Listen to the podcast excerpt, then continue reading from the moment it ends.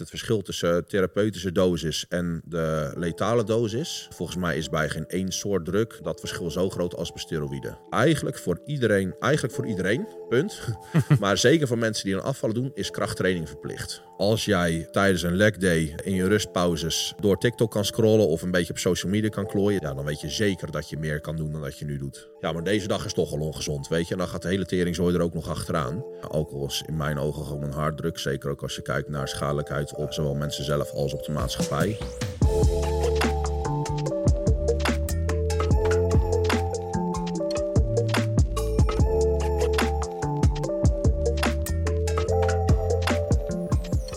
Welkom bij Barberio Podcast, aflevering 20. Vandaag heb ik in de studio Jan-Willem van der Klis. Die uh, naam zegt jullie misschien niet heel veel, uh, totdat ik zeg dat dit J-Way is op Instagram.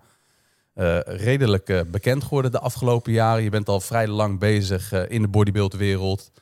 zelf, maar ook met het begeleiden van mensen. Mm -hmm. op Instagram ben je echt al lang bezig om mensen te voorzien van informatie. Ja. En de laatste jaren is dat op een ja, wat uh, grappige manier, vind ik zelf. Maar ook vooral op een informatieve manier. recht voor zijn raap, niet eromheen draaien. En ja, ik denk wat vooral mooi is, waarom ik jou graag in de studio wil hebben, los van al de kennis die je bezit, is dat je open bent over het anabole gebruik. Heb je de laatste tijd heel veel over verteld. Dus er zal niet de hele podcast over gaan. Maar daar wil ik natuurlijk wel vanuit mijn vak als personal trainer en vanuit Barberio Podcast delen met de luisteraars ja, hoe jij daarin staat ja. en ja, wat er allemaal bij komt kijken. De misopvattingen die er natuurlijk heel veel zijn. Dingen die je al gedeeld hebt. maar allereerst welkom. Top dat je bent en wilde komen. Dank. En ja, je bent 33 jaar, zit al vrij lang in, ja, in de bodybuildwereld. Heb zelf vier wedstrijden gedaan. Mm -hmm. En bent vooral bekend als online coach, ja. personal trainer en het begeleiden van recreanten en bodybuilders. Mm -hmm. Dus ik denk dat die intro zo. Aardige samenvatting, denk ik. Ja, ja we ja. omschrijft ja, wie jij bent. vooral bekend dus als JW op, op Instagram. En ja, je hebt een hele reis afgelegd in de bodybuildwereld. En ik ben eigenlijk wel benieuwd hoe dat zo voor jou is begonnen. Hoe ben jij begonnen met fitness? Ik heb vroeger, toen ik eigenlijk vanaf mijn zevende, achtste tot mijn veertiende heb ik gebadmintond. en dat hebben we zo'n beetje een andere tak van sport. Maar, Iets anders, ja. En nou, dat ging op zich ook wel aardig. Wij, of ik woonde toen in Zwifterband. Dus we hebben toen ook nog wel wat, nou ja, wat Nederlandse competities. Niet gewonnen, maar wel op niveau meegedraaid. Um, nou, en toen um, weet ik nog dat op de middelbare waren mij in de klas waren een paar jongens die begonnen met krachttraining, met fitness. Uh, ja, in die tijd was ook een beetje Dragon en zo, weet je. Dat was ook een beetje uh, gangbaar, zeg maar. Die, films van Schwarzenegger en Stallone en weet ik het wat. En ik vond het altijd erg wel tof. Um, ook voordat ik zelf begon met krachttraining. Um, nou, en ik weet nog dat ik toen... Uh, wij waren thuis nou, christelijk. Dus ik wist ook helemaal niet... of tenminste, dat was een beetje ijdel, zeg maar. en ik weet nog dat ik toen aan mijn moeder vroeg of ze het goed vond... dat ik ging stoppen met badminton en ehm, fitness ging doen... Ah, en dat was goed. dus toen ben ik om mijn 16 uh, ben ik met een paar klasgenootjes ben ik toen begonnen. En ja, dat is eigenlijk nooit meer gestopt. En hoe, hoe is dat toen een beetje begonnen? Met gewoon twee keer in de week um, kennis maken met, met fitness, krachttraining. Hoe ben je toen een beetje aan je kennis gekomen om aan je lichaam te gaan bouwen? Ik ben, um, even kijken, ik denk dat ik in het begin was het een keer of drie per week. Gewoon na studie, of ja, naar school natuurlijk. Dus dat was ja, een beetje passen en meten. Wij wonen in Zwifterband, dus dat was een uh, klein roddorpje. Er zat niks. Dus we moesten, uh, nou, het was acht kilometer heen en terug fietsen uh, om naar de sportschool te komen. Ja, in het begin was dat een keer of drie gewoon met de jongens meedoen. En nou, dan ben je elkaar een beetje aan het uitdagen. En ik kwam wel aardig mee. Um, maar ja, ik vond biologie ook altijd wel interessant.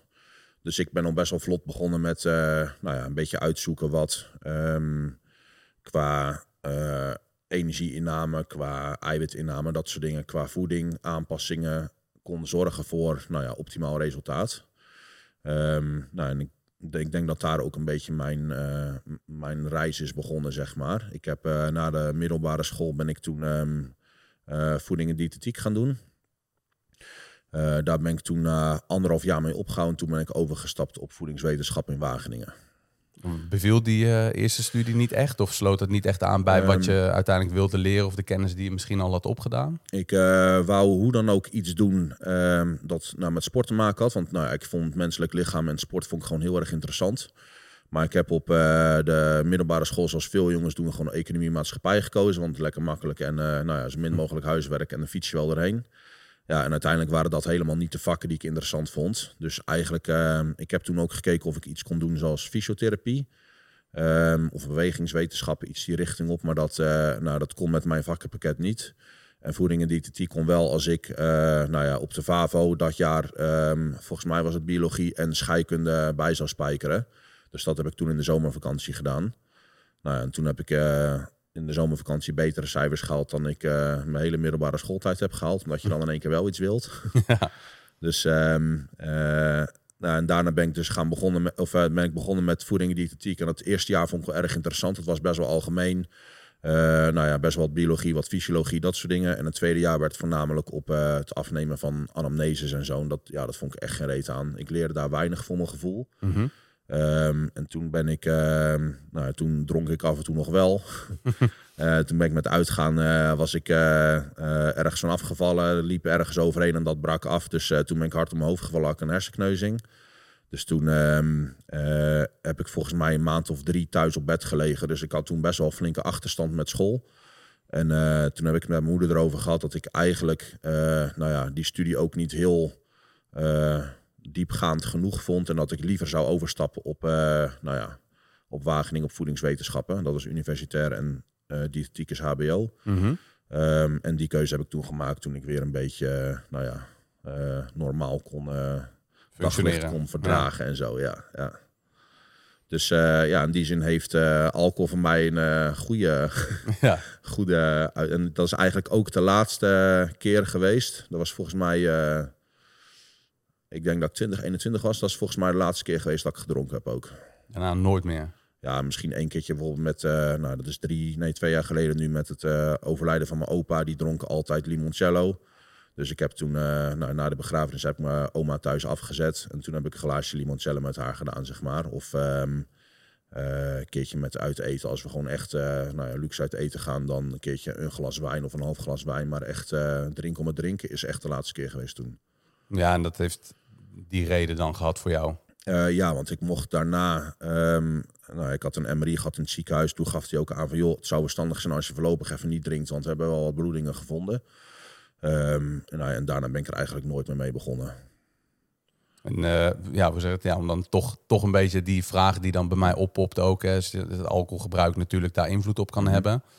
Ehm, is dat dan ook door je hoofd gaan met anabolen gebruik... dat dat wellicht ook invloed zou kunnen uitoefenen op die bloedingen? Of in ieder geval een Ehm, slechte invloed zou hebben? Nou, ik, toen was ik nog heel ver van gebruik af. Want dit Mhm. was toen ik 21 was. En mijn eerste eh, keer dat ik iets gebruikt heb, was ik 25. Dus daar zat best wel wat tijd tussen. En eh, nou, ik had toen ook weer, eh, of tenminste, ik heb toen nog een keertje een nacheck gehad. En dat was toen allemaal oké. En dat was volgens mij, toen was ik 22 of zo. Dus daar zat ook nog best wel wat tijd tussen. Dus die ja, liggen wel eh, los van elkaar voor mij. Ja, precies. Maar dat was in ieder geval voor jou de reden om niet meer te gaan drinken. Het voegt voor jou verder niet heel veel Precies, toe. ja. Ik had eh, uitgaan, nou ja, heb ik sowieso niet heel vaak gedaan. Eh, deels omdat wij, nou ja, meestal zondagochtend naar de kerk gingen. Mhm. Dus nou ja, zaterdagavond helemaal brak is dan niet handig. Nee. En ook wel deels omdat, ehm, ja, op het moment dat we ehm, daar wat meer vrij in werden gelaten, was ik toch al wel aardig serieus met fitness bezig. En ik was me wel gauw bewust van nou ja, de negatieve effecten van alcohol op eh, progressie. Dus ja, ik heb eigenlijk nooit een, een fase gehad waarin ik heel veel uit ben geweest. En nou ja, thuis in je eentje gaan lopen zuipen is natuurlijk ook een beetje... en ik vind, eh, ja, ik vind alcohol ook gewoon niet lekker. Dus ja, dat zijn voor mij allemaal redenen om daar niet eh, Ja. veel gebruik van te maken. Nou, ik denk dat het sowieso een eh, verstandige keuze is voor mensen om eh, niet te drinken. Maar goed, als je het af en toe doet, ja, daar, daar zit er weer natuurlijk eh, de nuance in. Om het niet ja, te vaak te doen. En heeft iedereen zo zijn eigen verantwoording en Ja. keuzes daarin. Ik heb op TikTok doe ik daar, ik heb daar best wel wat uitspraken ook over gedaan. Die mensen blijkbaar wel erg tegen de schenen stoot. Nou ja, alcohol is in mijn ogen gewoon een harddruk. Zeker ook als je kijkt naar schadelijkheid op eh, nou ja, zowel mensen zelf als op de maatschappij. Ehm, dus ja, mensen die vinden dat eh, zeker omdat ze de meeste mensen die een mening hebben over anabolen of over ik veel ander drugsgebruik of whatever, dat zijn de mensen die in het weekend zelf elke keer een krat wegzuipen, zeg maar.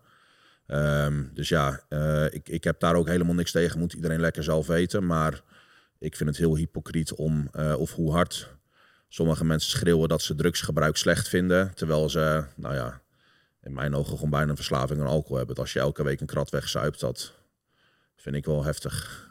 Dan ben je een alcoholist. Ja. Die definitie ligt volgens mij al bij eh, vijf, glazen per week of Ja, zo. En ja, ja. nogmaals, of, eh, ja, één of twee consumpties per dag, volgens mij is, ben je ook al... eh, nou ja, dat zijn er zat die dat gewoon doen omdat ze het lekker vinden. vijf tot tien, ja. Ja, dat dus is, dat, ja, dat gaat wel hard dan.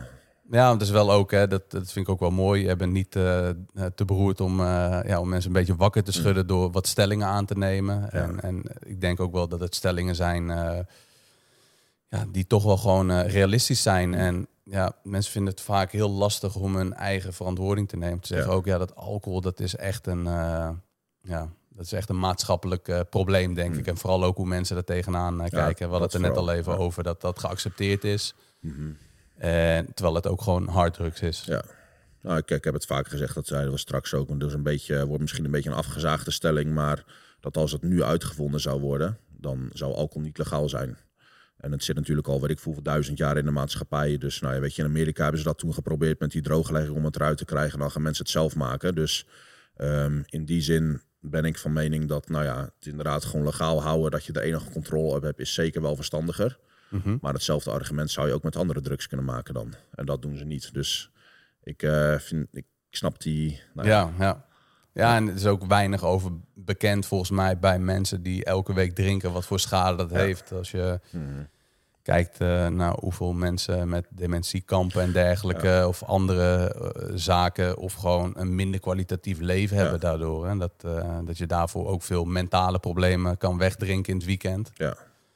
Of door de weeks, voor sommigen zelfs. Maar dat dat mentale en fysieke klachten oplevert, die vaak pas op latere leeftijd duidelijk worden. Voor sommigen wat eerder. Nou, en dat is natuurlijk, ehm, dat is denk ik, en dat geldt voor steroïden natuurlijk net zo. Ik denk dat dat een beetje het, ehm, het struikelpunt is. Dat ehm, bij alcohol, als je heel veel drinkt, merk je eigenlijk direct een negatief effect of de dag erop.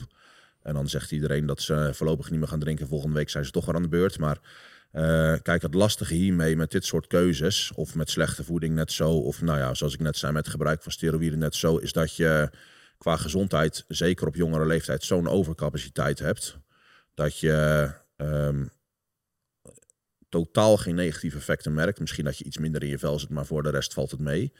En op het moment dat je echt negatieve effecten gaat merken van het gedrag, is het veel te laat om eh, schade te voorkomen. En dat is natuurlijk een beetje het lastige. Mensen zijn gewoon heel slecht in, eh, nou ja, 10, 20 jaar vooruitdenken. Ja, weet je, na mij de zondvloed. Ja, precies. En dan, eh, eh, ja, weet je, dat, dat blijft natuurlijk een beetje het lastige. En dat is met alcohol natuurlijk ook net zo. Kijk, als je ziet dat alcohol is gewoon neurotoxisch, is schadelijk voor, voor zenuwweefsel.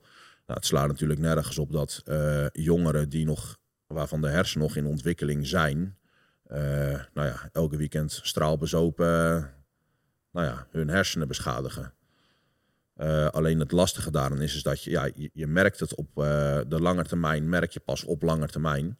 Ja, en voordat je op het moment dat je het gaat merken, is het te laat om nog in te grijpen om schade te voorkomen. Het wordt echt onderschat, hè, wat, eh, wat alcohol met je doet. Ja, maar we roken natuurlijk net zo.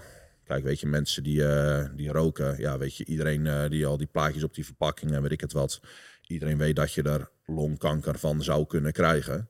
Ja, en op een gegeven moment dat het inderdaad zover is, dan heeft stoppen geen zin meer om longkanker te voorkomen natuurlijk. Nee, daar ben je gewoon al te ver, ja. Ja.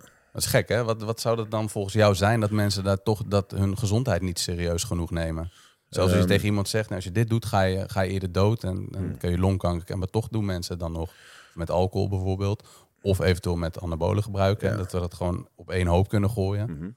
Ja, ik, ik, ik denk dat mensen zich een beetje, eh, een beetje onsterfelijk achten.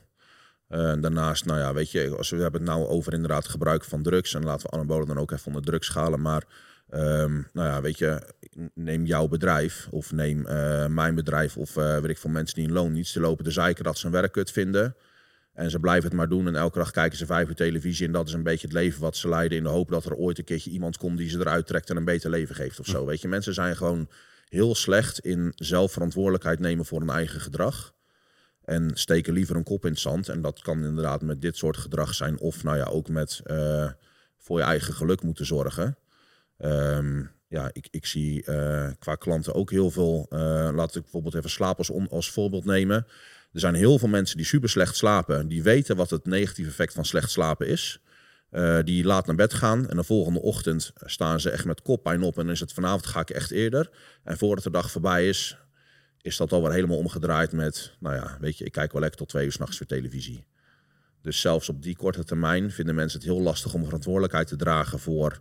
Um, nou ja, positieve uitkomsten. Uh, dus ja, laat staan op lange termijn waarvan je de negatieve effecten niet eens merkt. En zijn mensen dan gewoon te druk om te beseffen dat, uh, dat ze dingen anders moeten doen? Hè? Volgens mij overprikkelen we onze brein uh, gigantisch. Dat sowieso.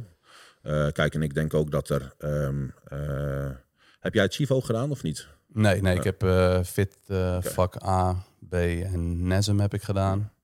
Nog een beweeg beweegleider, uh, obesitas, uh, diabetes type 2. Chivo zit ook wel een, uh, nou ja, ik heb daar een paar cursussen van gedaan en die zit best wel ook op het mentale stuk, zeg maar. Nou ja, die zegt ook dat um, zolang mensen bezig zijn met overleven, gaan mensen helemaal geen keuzes maken die voor lange termijn wellicht verstandig zijn. En ik denk dat heel veel mensen bezig zijn met overleven.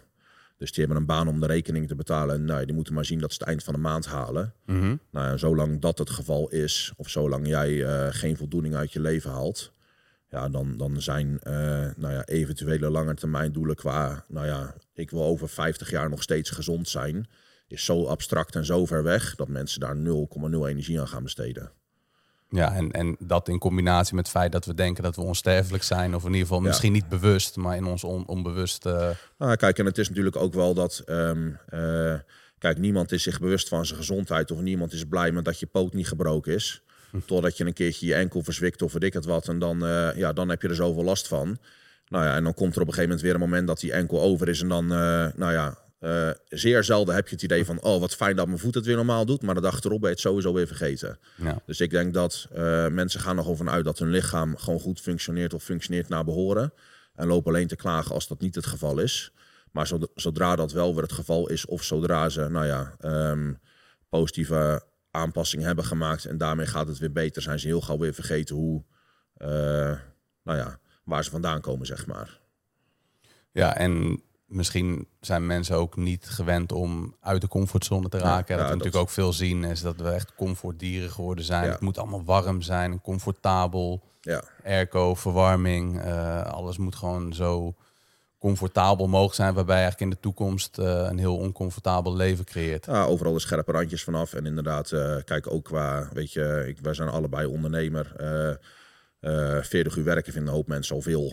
Maar ze hebben wel tijd om vijf uur per dag voor de tv te zitten meuren, weet je wel. Ja. Dus ja, ik, het is inderdaad, um, nou ja, het mag inderdaad niet te oncomfortabel zijn. Uh, en nou ja, nu dingen investeren zodat je daar in de toekomst een hoop uithaalt. Of dat nou qua gezondheid of qua ondernemen of weet ik het wat is, dat doen gewoon weinig mensen. Ja.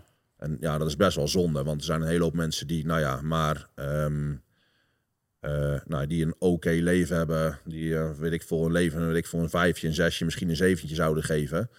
En die weten wat ze zouden moeten doen om daar een 8 of een 9 van te maken. En ze doen het nooit. en dat, dat vind ik zonde. Maar zijn ze dan bijvoorbeeld bang voor uh, wat ze daarvoor moeten doen? Dat ze daarvoor harde keuzes moeten maken? Of dat ze dan echt... Is het te um, confronterend? Of, of, zien ze zichzelf als te zwak? Um, ja, vind ik lastig. Um, kijk, ik bedoel, ik merk bij mezelf ook wel uitstelgedrag. Ik roep ook al maand dat ik wil beginnen met boeken lezen. Ik heb het ook nog steeds niet gedaan. Dus ik zie dat bij mezelf ook. Maar dat is denk ik omdat. Um, ja, misschien is dat wel een beetje terug te leiden naar het dopamine verhaal wat je net zegt. Dat wij constant zo erg gewend zijn aan. Uh, nou ja, uh, instant gratification, zeg maar. Dus nou ja, dat we gelijk beloning krijgen voor de investeringen die we doen. Um, dat we um, nou ja, het heel moeilijk vinden om investeringen te doen die pas op lange termijn uitbetalen. En ja, wat daar precies de oorzaak van is, dat, dat, dat weet ik niet zo goed. Verschilt ook per persoon. Ja. Ja, en, en hoe is dat dan uiteindelijk, hè? Om, om daar toch uh, even terug naar jouw fitnessreis uh, te gaan, die al uh, even hmm. duurt? ongeveer een jaar of 17, denk ik, als ja. ik zo goed uitreken. Ehm, wanneer werd het voor jou echt serieus dat je dacht ook van oké, ik, ik wil nu naar een hoger level? En is dat toen automatisch ook ehm, met de gedachte om anabolen te gaan gebruiken? Of ben je eerst zelfstandig ervoor gegaan om echt even naar een hoger level te gaan? Op mijn 223ste was ik al best wel ver voor mijn gevoel, maar ehm, nou ja, ik denk zeker niet dat ik een genetisch wonder ben. dus nou ja, weet je, mijn resultaten waren nou ja, wel goed in vergelijking met nou ja, gemiddeld leeftijdsgenoot, maar ik deed er voor mijn gevoel veel meer voor. Um, nou ja, en toen ben ik af en toe een keertje op internet kom je wat uh, foto's van wedstrijden tegen en ik het wat. Nou, zoals ik net zei, uh, Schwarzenegger en Stallone en dat soort gasten. Um, en ik heb toen best wel eens met de gedachte gespeeld om een wedstrijd te doen, maar dat heb ik toen best wel een poosje afgehouden. Ik werkte toen bij uh, Undisputed. Mm -hmm. Nou, en daar liep, en ik, daar, daar liep een, een jongen rond, um, nou, die, waar ik best wel wat naar, wat naar opkeek. En ik had toen met hem een keer een gesprek over van dat ik niet zo goed wist waar ik, nou ja, waar ik verder mee kon, zeg maar. Of wat, ik, uh, wat voor stappen ik nog kon maken, omdat ik het idee dat ik het spelletje een beetje uitgespeeld had. En toen zei hij van waarom ga je niet uh, een keertje met een coach beginnen? En ik had zoiets van, nou ja, weet je, dat is dan een beetje die, uh, hoe noem je dat, Kruger en nog wat een Kruger curve.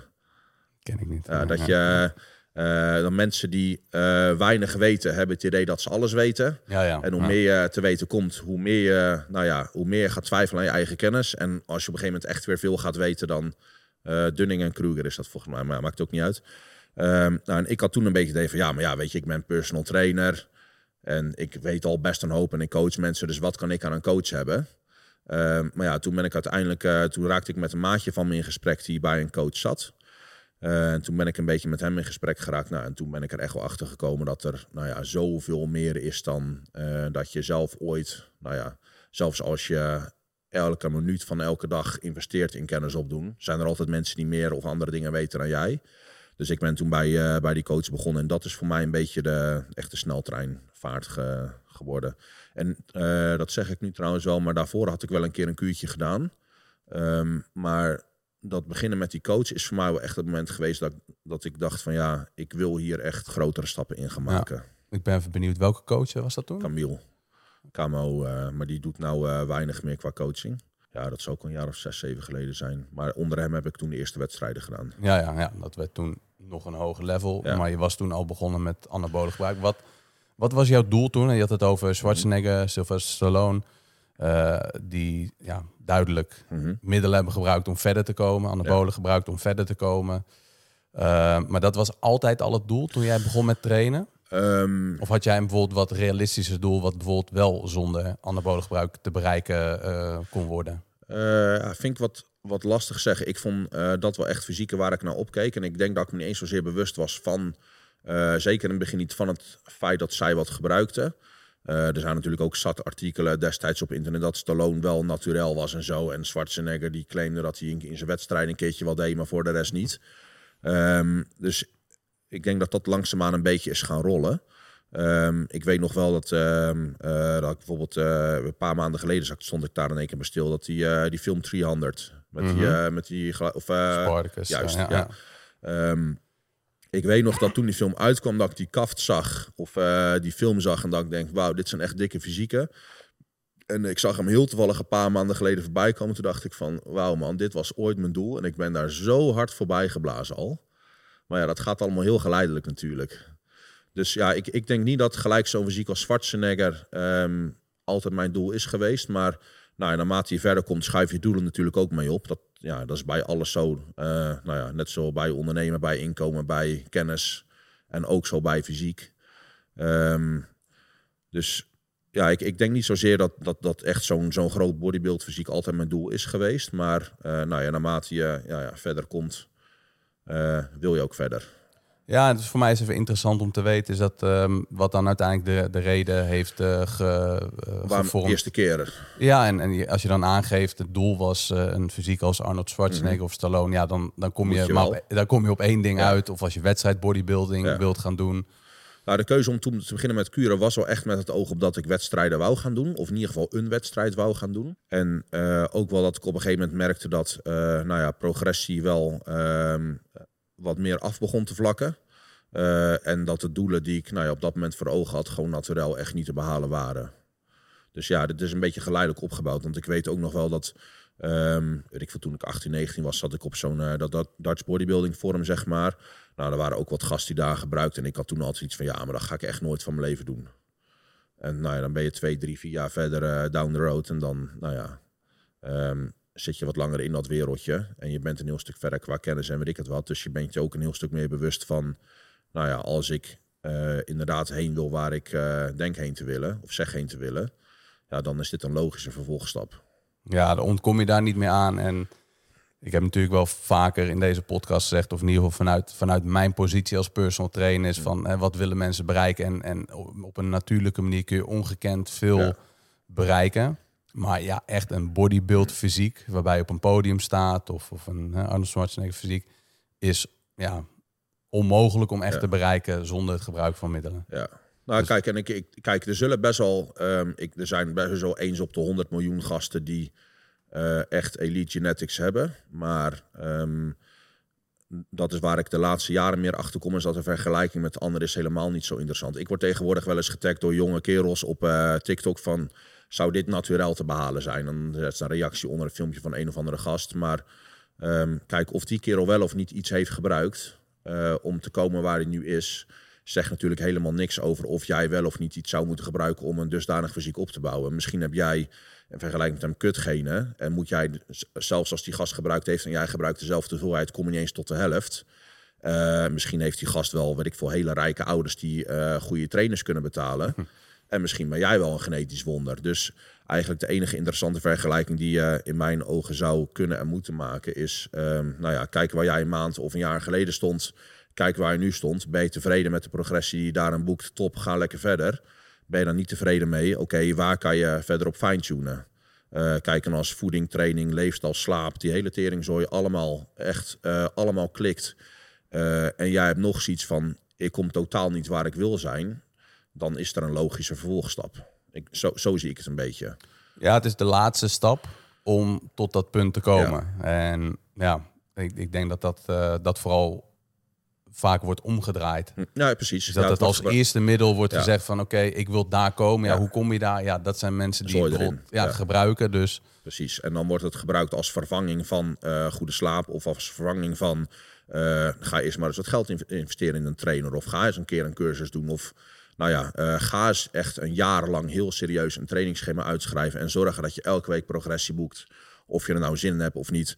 Uh, ga eens een half jaar lang uh, niet uit en zuipen en weet ik veel al naar de strekken. Ga eens zorgen dat je een jaar lang elke nacht acht uur slaapt.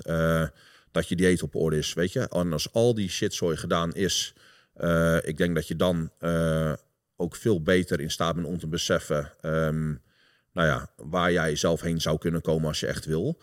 Uh, en mocht je dan de keuze maken om iets te gebruiken, dan weet je in ieder geval zeker dat je uit elke milligram die je gebruikt van dat spul ook echt alles eruit knijpt. En dat je nou ja, voor het behalen van je doelen ook zo min mogelijk nodig hebt. En wat je nu heel vaak ziet, is dat jongens die rammen er dan een hele zware kuur in. Uh, en in het weekend blijven ze lekker naar festivalletjes gaan, gebruiken ze drugs. Uh, door de week zitten er twee avondjes suipen met vrienden bij, want het is gezellig. ja, weet je, en ze vreten magnetronmaaltijden. En trainen is een beetje halfbakken, want ja, weet je, ik kan er ook een halve gram extra bij douwen, dan maak ik ook progressie. Ja, en dat is natuurlijk de omgekeerde wereld.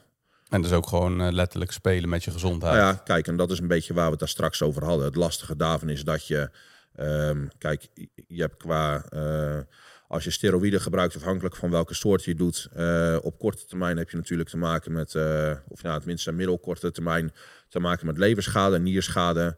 Op het langere termijn kan je ook neurologische schade hebben, uh, schade aan hart- en bloedvaten. Maar je hebt zo'n overcapaciteit in je lichaam uh, wat dat soort dingen betreft. Um, ja, tegen de tijd dat je het gaat merken is het veel te laat om daar nog wat aan te doen. En dan kan je alleen nog maar een beetje schadecontrole doen. Ja, er zit, er zit gewoon echt gevaar aan. Het is Zeker. ook, ja, weet je, bodybuilden is, is, is niet je gezondheid op nummer 1 zetten. Maar zelfs als je natuurlijk bodybuilding doet, is alsnog, gezondheid is niet het hoofddoel. Nee. Maar dat geldt voor elke topsport. Topsport is gewoon niet per se gezond. Nee. Het gaat om het doel bereiken en het presteren. Kijk, en dat kan je doen natuurlijk met gezondheid zoveel mogelijk in acht nemen. Maar het hoofddoel van je topsport is altijd de beste worden. En nou ja, dat is dan misschien een beetje een zijtakje. Maar um, uh, kijk, heel veel mensen denken dat bodybuilders, uh, of tenminste als ze aan gebruik van steroïden denken, denken ze aan bodybuilders. Um, terwijl in heel veel andere takken van sport wordt ook heel veel gebruikt. Alleen het doel van bodybuilding is dat je het aan de buitenkant kan zien. Dus het is logisch ook dat mensen zien dat er gebruikt wordt. Tenminste, dat is het hele fucking doel van het gebruik. Je mag hopen dat mensen zien dat je gebruikt, anders gebruik je voor niks. Ja. Terwijl gebruik bij andere sporten eh, kan sneller herstel zijn, kan een betere conditie zijn, kan een alleen een hogere trainingsfrequentie zijn. En ehm, ja, het is, mensen zijn daarin best wel heel naïef. Ben ik ook achtergekomen. Ik heb daar de laatste paar nou ja, maandjes ook wel wat discussies over gehad op, eh, op Instagram en TikTok en weet ik het wat. Maar als je, kijk, mensen denken zoiets van ja, maar daar wordt gecontroleerd en ze zijn niet gepakt, dus er wordt niet gebruikt. Maar ja, weet je, het is natuurlijk altijd een wedstrijd tussen uh, gebruik zo slim mogelijk doen of nou ja, op die manier doen kijken dat je tests kan omzeilen. En uh, ja, in hoeverre die tests ontwikkeld zijn. En als je bijvoorbeeld ziet dat, volgens mij, uh, ik heb dat voorbeeld vaker aangehaald, maar volgens mij was dat 2016 of zo, met de Olympische Spelen waren toen van de Russische divisies, waren volgens mij iets van, er was er zo'n arts omgekocht of zo, dat was een heel schandaal. Mm -hmm. Dat over alle divisies iets van 120 verschillende atleten waren allemaal betrapt op doping. Maar het is niet alsof Rusland dat jaar echt alle medailles mee naar huis heeft genomen. Hm. En als Rusland de enige was geweest die had gebruikt, uh, hadden ze echt alle bronzen, zilver en gouden medailles mee naar huis genomen. Want ja, gebruik geeft zo'n extreem groot voordeel over geen gebruik. Al is het alleen al dat jij uh, vaker kan trainen en daardoor nou ja, je zenuwstelsel beter techniek kan aanleren. Daar ga je gewoon zonder gebruik, hoe serieus je denkt ook te zijn, ga je daar nooit in mee kunnen komen. En het is natuurlijk ook onzin om te denken dat uh, als Rusland uh, al die atleten had die gebruikten, uh, dat alle andere landen ter wereld veel betere trainingstechniek hebben dan dat Rusland heeft. Dat slaat nergens op die gedachtegang. En ook als je bijvoorbeeld kijkt bij, weet ik veel, noem voetballers die, weet ik veel, een kruisband of een hamstring afscheuren en zeven, acht weken later weer rondrennen. Dat zijn blessures die veel langer duren qua herstel. Daar, wordt ook bij gebruikt. Dus um, Kijk, en dat is natuurlijk niet om te zeggen, joh, weet je, iedereen gebruikt, dus jij kan het ook net zo goed gaan doen. Maar het is denk ik wel goed om te beseffen dat, um, uh, kijk, ook in topsport, andere topsporten dan uh, uh, bodybuilding, wordt ook heel veel gebruikt. Dus ook daarin is het wel goed om te beseffen dat, dat ze is echt elite van de elite. Mm -hmm. En ze gebruiken ook nog eens. Dus dat zou ook geen doel moeten zijn om zo goed als dat te worden als je zelf, nou ja, en niet elite van elite bent en ook eens niet wil gaan gebruiken. Ja, en het is ook, weet je, we willen het allemaal dan een soort van niet weten. Maar ja. het gebeurt gewoon onder je neus. Ja, tuurlijk. En de sporten die jij kijkt, of dat voetbal is, of UFC, of uh, mm. wat dan ook. Uh, als je kijkt ook naar, ja, een Badahari, nou goed, uh, ja. dat, dat, dat betwijfel ik ook of het op zo'n korte termijn, weet je wel, die, die, die, die fysieke verandering op een bepaalde leeftijd, want hij is ja. ook al volgens mij de 35 gepasseerd ja. in één keer zo een zieke metamorfose meemaakt voor zo'n wedstrijd, dan, dan twijfel ik ook altijd ook. En sommigen ligt het er wat duidelijker bovenop. Ja. Maar kijk, dan is de andere kant ervan, is dat mensen, ja, maar als hij dat doet, dan kan ik het, weet je. En dat is natuurlijk fucking onzin. Want die gasten die trainen zwaarder dan dat, nou ja, 99% van de mensen ooit zal doen. En het hele leven staat in teken van. En dit komt er bovenop. Reken maar dat die gasten alle andere dingen die ze kunnen, nou ja, uh, kunnen aanpassen in hun leven ook meenemen. Zij drinken niet. Zij, zij zijn gewoon op elk gebied gewoon veel gezond. Zij hebben gewoon ook een topsport bestaan. Coaches, ja. uh, diëtisten, uh, qua ja, voeding. Alles draait om die topsport. Om in ieder geval dan alle invloed die ze kunnen uitoefenen op de andere dingen. In Zeker. ieder geval dan goed uitoefenen. Ja. Want dat is wat jij eigenlijk ook wel probeert. Hè? Dus het, jij neemt een heel bewust risico. Mm -hmm. Jij laat je ook um, ja, op wat voor frequentie uh, testen? Of bloedonderzoek doen? Twee, drie keer per jaar sowieso. En dat, dus, dat zou vaker mogen, maar um, nou, weet je, we hebben het uh, aan het begin even gesproken. Ik, ik, ik zeg bewust geen dosering of weet ik het wat, omdat ik uh, niet wil dat mensen um, nou ja, kopiëren gedrag gaan doen. Daar wil ik gewoon niet verantwoordelijk voor zijn. Um, maar uh, kijk, ik kan wel zeggen dat de allereerste kuur die ik heb gedaan, dat was een startkuurtje. Als ik nu terugkijk naar die doseringen die in het algemeen worden aangeraden, daar zit ik nu niet eens op. Dus ja, er is gewoon zo weinig kennis over. En wat als een mild startkuurtje wordt gezien, is qua dosering veel, veel te hoog voor het resultaat dat je daarmee zou willen behalen. Um, kijk, en uh, zeker als je richting een wedstrijd werkt, zou het verstandig zijn om je bloed vaker te controleren. Omdat, nou ja, richting een wedstrijd is het vaak toch wel even wat meer gas geven. Maar um, kijk, als je op een onderhoudsdosering zit en je doet, weet ik veel, twee, drie keer per jaar bloedwerk. Eh, en nou ja, als je daar mogelijkheid hebt en je hebt een huisarts die daar enigszins in mee wil werken, dat je bijvoorbeeld ook een keertje urinezoek onderdoet. Kijken om te kijken of uh, nierfunctie goed is. Dat je een keertje een echo van je hart laat maken. Er zijn best wat tests die je kan doen om te zien of um, nou ja, gezondheid erg uh, beïnvloed wordt, ja of nee. Alleen, kijk, ik heb dat eerder ook een keertje online gezet. Gebruik zelf kost helemaal niks. Dan kan je van een, letterlijk een paar tientjes nou, per kwartaal ben je echt een heel eind. Maar uh, je gezondheid managen samen met alle supplementen en weet ik het wat die je daar ook van neemt, dan heb je het zo over een paar duizend euro per jaar. Dus uh, los van dat het uh, gezondheidsrisico's met zich meebrengt, ook nog eens een keer heel duur. Ja. je moet er ook keihard voor werken om, om het fysiek wat jij hebt te bereiken. En dat, daar kun je later natuurlijk wel alles over vertellen. maar wat ik, waar ik ook wel benieuwd naar ben, ik heb in mijn omgeving ook wel in ja, de ruim dat zijn nu 23 jaar dat ik fitness uh, veel mensen uh, aan me voorbij zien gaan en gebruiken. Mhm. Daarvan is ook een groepje, niet, niet iedereen, maar er is ook wel een groepje waarbij ik uh, iemand die hartfalen heeft gehad, of in ieder geval hartproblemen, ja. hartritmestoornissen. Iemand die een, een hersenbloeding heeft gehad. Ik heb een verhaal gehoord dat iemand ook ja, kanker heeft gekregen. Mhm. En, en het zal ongetwijfeld niet de, die directe oorzaak zijn, maar het, het, het, je cellen groeien, groeien natuurlijk ook harder. Ja. Dat zijn even enkele risico's die ik heb, uh, gezien in ja, de omgeving die ik dan heb. Maar is het zo dat jij in jouw omgeving ook wel dat soort dingen voorbij ziet komen? Of heb ik nog wat dingen gemist die, uh, die nog de risico's met zich meebrengen? Um, nou, in mijn omgeving eigenlijk weinig. Kijk, je hoort bij die wedstrijden hoor je wel eens verhalen. Maar ja, ik, ik neem bewust ook wel, of ik zorg dat ik bewust niet heel erg in dat wedstrijdwereldje wordt meegetrokken omdat, nou ja, weet je, ik bedoel, je uh, mee omgeeft, word je mee besmet. Heeft mijn moeder ooit een keer tegen me gezegd. en dat vond ik toen onzin, maar uh, weet je, dat zit Klopt toch aardig. ja, zeker. Dus um, kijk en ook op uh, social media. Ik ben nu bewust, ik volg een hele hoop pro's, want het vond ik tof. En um, ik, ja, ik heb daar bewust nu ook wel een hoop mensen in ontvolgd. Ook omdat ik daar straks zei, de enige vergelijking die interessant is, die met jezelf, waar jij gisteren of vorige maand of vorig jaar stond. Uh, kijk, en het is tegenwoordig met, met social media is natuurlijk wel heel makkelijk om jezelf constant te vergelijken met, uh, met anderen. Um, ik heb in die podcast die ik zelf met Jelle opneem, heb ik dat ook een keertje gezegd dat um, ik denk, nou ja, weet je, zonder overdrijven, ik denk dat ik beste 100 fysieke van Nederland denk ik dat ik een eind kom. Dus dat zou betekenen dat ik eens op de, nou ja, 170.000 zit. Even, klopt dat?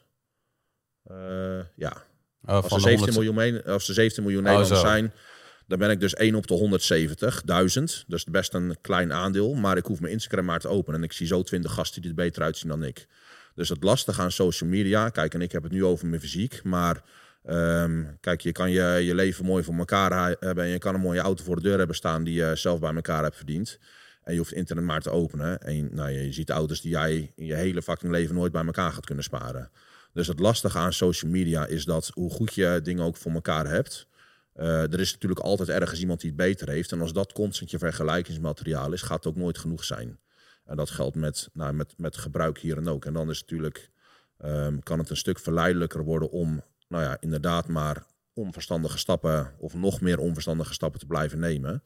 En ik denk dat het wel verstandig is voor mensen om zich daar een beetje in bescherming tegen te nemen. Ja, dan, dan komt bij mij automatisch de vraag ook op. Hè, want jij krijgt natuurlijk uh, duizenden keren de vraag: heeft hij gebruikt, mhm. heeft zij gebruikt? Of een vrouw ja. gebruikt volgens mij ook best wel veel. Zeker. Wordt onderschat. -hmm. uh, maar waar, waarom is het voor mensen zo belangrijk om te weten of iemand. Ik vind het ook interessant. Ja. En ik kan voor mezelf, als ik heel zelfkritisch ben, die vraag ook wel een beetje. Um, ik ja, denk dat het een beetje jaloezie of afgunst is. Of dan, uh, weet je, dan, nou ja, weet je wat jij daar straks ook zei. Mensen vinden het heel moeilijk om verantwoordelijkheid te nemen voor hun eigen shit. Dus uh, ja, weet je, Pietertje die uh, traint twee, drie keer per week, zuipt in het weekend wel en kijkt, nou wat ik net zei, vijf uur per dag tv. Dus zou eigenlijk veel meer uit zijn leven kunnen halen. En die ziet Henkie, nou ja, weet je, en dan wil hij weten of Henkie gebruikt heeft. Want ja, dan zal het wel aan het gebruik liggen dat hij het beter voor elkaar heeft. Dat is interessant, ja, ja. Ik denk dat dat een beetje de, voor veel mensen bewust of onbewust het uitgangspunt is. Ja, het is toch jezelf een beetje, als ik dan naar mezelf kijk ook, als ik dan denk van ja, zal die gebruikt hebben en dan denk van ja, die heeft gebruikt, dat geeft mij dan een soort van rust. Ja, een soort comfort. Denk, ja. oh oké, ja. En aan de andere kant, vanuit mijn professionele oogpunt, heb ik wel, dat zei ik net ook al, um, waar ik wel me druk om maak. Hmm. Wat ik belangrijk vind, omdat ik vind ook dat jongeren goed geïnformeerd moeten worden. Die informatie eh, heb ik vroeger ook eh, moeten opzoeken, maar ook wel gehad. Mhm. Eh, vooral als coach zijnde. Daarom waardeer ik jou ook voor wat je doet.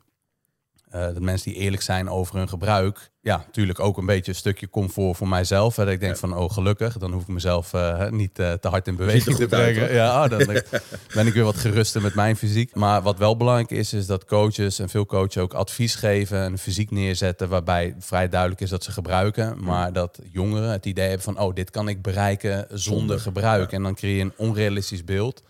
Ja. En daarmee creëer je natuurlijk wel gewoon een beetje schade aan mensen hun zelfbeeld, waarbij je zelf wel een stukje verantwoording hebt ook. Mhm. Als coach heb je er ook een stukje verantwoording in. En eh, ik ben wel benieuwd naar hoe dat voor jou is gekomen, dat jij daar zo open over bent eh, geworden uiteindelijk. Want dat was in het begin misschien ook niet zo, hè? Nee, nou ja, kijk, ik denk helemaal in het begin is dat natuurlijk ook omdat je, nou ja, weet je, ik was eh, een werknemer bij een gym. Ja, weet je, en daar zit hoe dan ook een beetje een stigma op. Dus Mhm. nou ja, die, zij vond het vervelend als ik, dat, als ik daar heel open over was. Eh, dat zie je natuurlijk ook bij die bodybuilders van de jaren 80, 90. Weet je, die waren ook, zijn, waren allemaal naturel. Ronnie Coleman was ook naturel toen hij zijn pro-card haalde. En er zijn ook een hele hoop mensen die dat geloven. Dat heeft natuurlijk allemaal met, die, met inkomen te maken. Op het moment dat jij daar open over bent, eh, ben je inkomen en je, eh, nou ja, zekerheid van leven kwijt. En ik denk dat dat ook een beetje geldt voor ehm, eh, gasten zoals Ulysses en nou ja, weet je, Simeon Panna, waar we het daar straks even over hadden.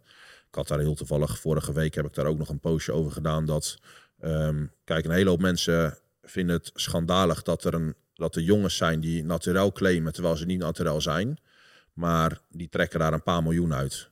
Weet je, er zijn een hoop jongens die, eh, of tenminste zijn een hoop mensen die kopen dan zo'n schemaatje of nou ja, wat je net zei, supplement XI. Eh, ja, en als je dat maar neemt, dan kom je er binnen een half jaar zo uit te zien als ik. En ondertussen verdien ik daar een paar miljoenen en ik gebruik wel, zeg maar. Ja. Ehm, kijk, aan de ene kant vind ik dat kwalijk. En aan de andere kant vind ik daar ook wel een verantwoordelijkheid liggen bij eh, de consument zelf. Ehm, nou ja, ik weet je, ik maakte een beetje in die post van vorige week maakte ik daar een beetje de vergelijking mee van eh, dat jij met je 40 kilo overgewicht, een dikke pens en een biertje in je klauwen zit jij tv te kijken naar Telcel en je ziet een bodybuilder op zo'n app trainer zitten en die zegt dat hij dit drie minuten per dag doet en dat dat de reden is dat hij er zo uitziet en jij bestelt het ding met de verwachting dat je er zo uit komt te zien. Terwijl je hele leefstijl en weet ik het wat totaal niet strookt met. Dus ehm, kijk, ik vind de naïviteit vind ik ehm, niet de verantwoordelijkheid van die gasten die, eh, die die shit verkopen. En tuurlijk kan je er wat van zeggen dat het eh, nou ja, moreel niet heel helemaal klopt. Dat jij mensen voorliegt en daar een hoop inkomen mee verdient. Maar ja, laten we eerlijk wezen, dat doet echt bijna iedereen. Dat gebeurt in deze maatschappij gewoon. En ik vind er wel een verantwoordelijkheid liggen bij. ehm, eh, kijk, als iets te mooi is om waar te zijn, is dat altijd het geval. Heb ik zelf ook hele dure lessen in het leven in gehad. Ja, precies. Het is niet zo van, ja, weet je, het, het, als het je allemaal ja, komt aanwaaien, dat, dat gaat gewoon niet gebeuren. Nee. Wat je net al zei ook, dat niemand komt je van die bank afhalen om jou je droomleven te geven. Die moet je echt gewoon gaan creëren. En daarvoor moet je gewoon eerst even een shitleven creëren om uiteindelijk een droomleven te hebben. Ja.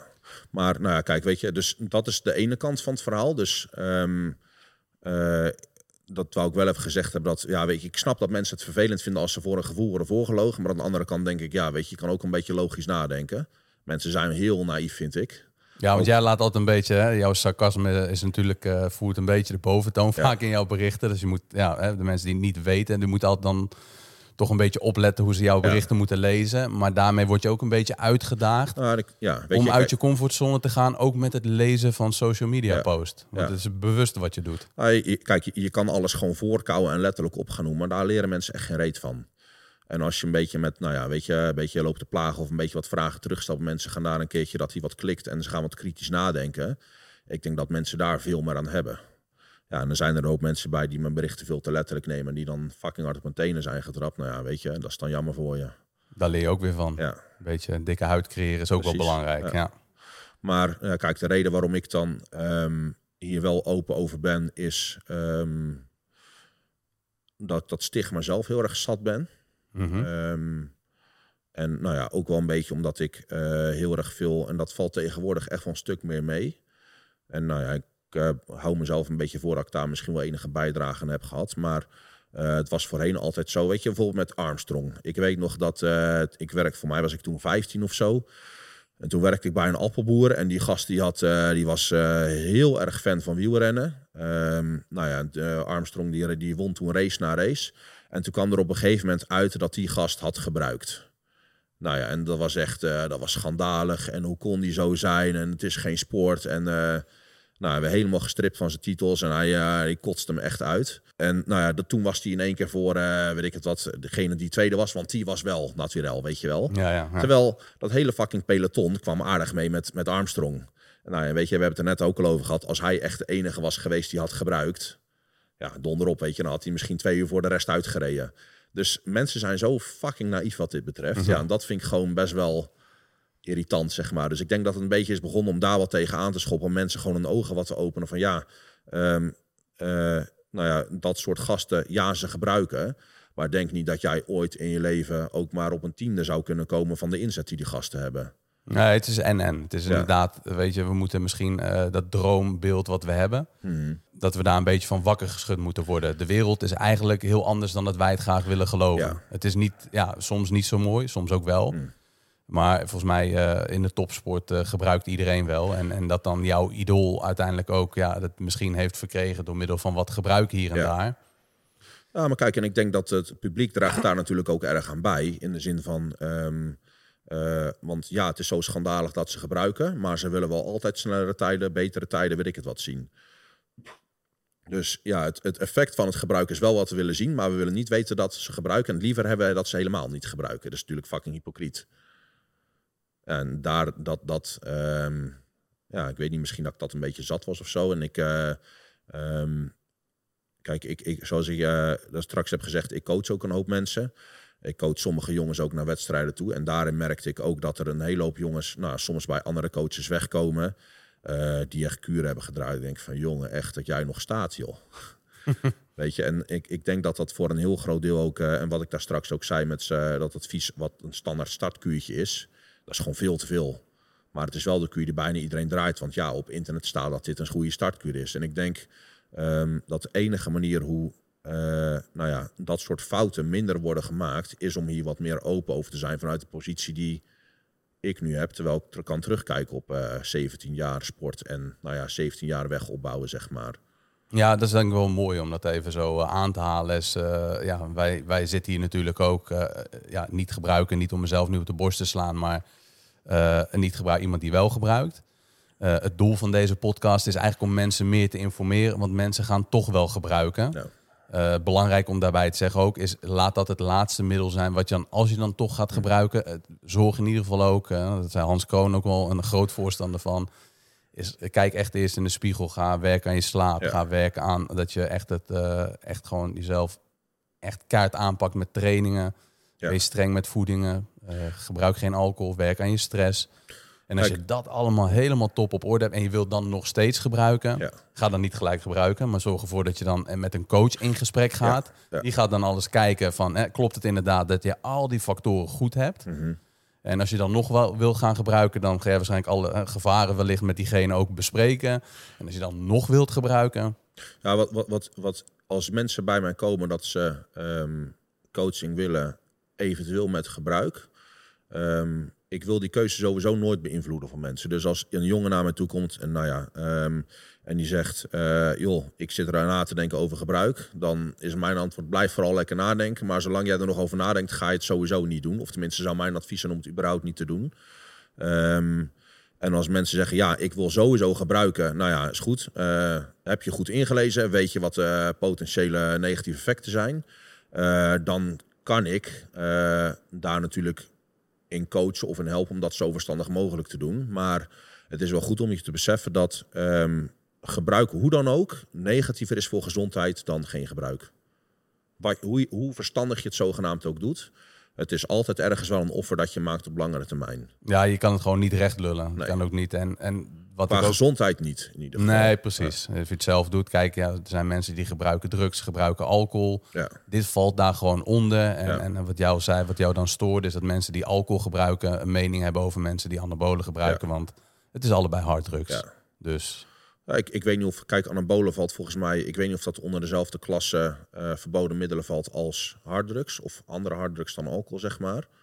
Eh, want als je, eh, kijkt het verschil tussen therapeutische dosis en eh, de letale dosis. Uh, volgens mij is bij geen één soort druk dat verschil zo groot als bij steroïden. Als jij bijvoorbeeld kijkt uh, bij hoeveel milligram alcohol jij een effect heeft, voor hoeveel milligram coke of MDMA of whatever je ook wil gaan doen, dan kijk bij steroïden. bij 100 milligram per week zou je een positief effect kunnen merken. Er zijn gasten die rammen er 10 gram per week in, dus dat is letterlijk 100 keer zoveel. En die lopen echt nog jaren rond.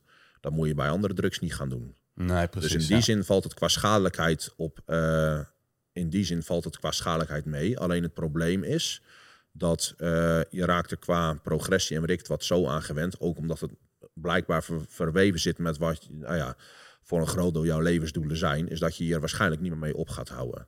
En dat is ook iets wat ik uh, mensen probeer mee te geven.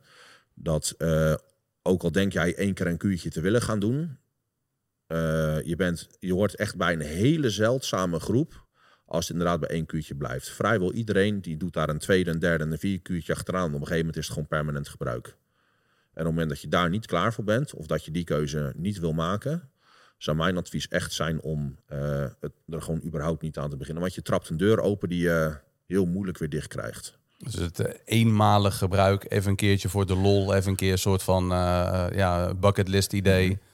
Dat best zou ik bestaat bijna niet. Nee, zou ik niet doen. Want wat, wat zijn dan de verslavingen? Weet je, jij kan dat natuurlijk goed. Uh, want, uh, hoe lang gebruik je nu? Een jaar of ehm, zeven? Nou, even kijken. Mijn eerste ja. keer was uh, toen ik 25 was. Toen heb ik daar een jaar niks gedaan. maar dat ik ja, gewoon blast cruise zeg. Of ja, eigenlijk doe ik helemaal geen blasts meer. Maar wat houdt dat in? Ja, in principe zijn normaal, of tenminste, het, het, het, idee wat veel mensen hebben, is dat ze dus een, uh, een kuur pakken. Dat is dan je blast, dus een hoge dosering en daarna gaan ze ervan af. Um, dus met uh, op en aan, dus ja, precies. Uh, intermittent eigenlijk. En een ander idee of een andere aanpak zou zijn, in plaats van dat je ervan afgaat, dat je gewoon een onderhoudsdosering blijft zetten. Het voordeel daarvan is, is dat je niet elke keer dat enorme dal hebt. Het nadeel is dat natuurlijk gebruik wel langduriger is. Ja, en dat, dat herstel van gebruik eventueel echt weer veel moeilijker op gang komt naar lange termijn. Ik heb daar heel toevallig, uh, volgens mij ook in een podcast met, uh, voor mij was dat sportpoeder ook een keertje. Uh, en ik heb daarin gezegd dat het meer, meer de gewenning is aan. En nou, daar struikelde iedereen over, omdat ze dan zeggen, ja, maar je beschrijft gewoon een, een verslaving. Ik denk dat, um, omdat je gewoon hebt geproefd hoe het kan zijn in de zin van hoe snel progressie kan lopen, of hoeveel sneller progressie kan lopen. Uh, het effect op kracht, het effect op zelfverzekerdheid. Dus nou ja, eigenlijk um, uh, laten we wel wezen, eigenlijk bijna alle redenen waarom mannen vaak beginnen met trainen. Daar komt gewoon even een, uh, nou ja, weet je wel, een 1,2 en 1,3 keer bovenop, zeg maar. Dus um, ja, je, je, voelt je gewoon meer vent, zeg maar. Je bent, kijk, wat je bijvoorbeeld ook ziet, is dat is wel grappig. Er waren volgens mij een paar drugsprotocollen naar buiten gekomen van bijvoorbeeld president Kennedy. Ja, die zat ook gewoon op de gear. en ook al wat, wat andere middelen en zo. En nou ja, weet je, en, uh, volgens mij was in die periode was cocaïne bij. Uh, uh, nou ja, nou zag je natuurlijk afgelopen twee jaar ook wel eens wat fotootjes voorbij komen van de Tweede Kamer. Die gasten zijn volgens mij ook niet allemaal zuiver.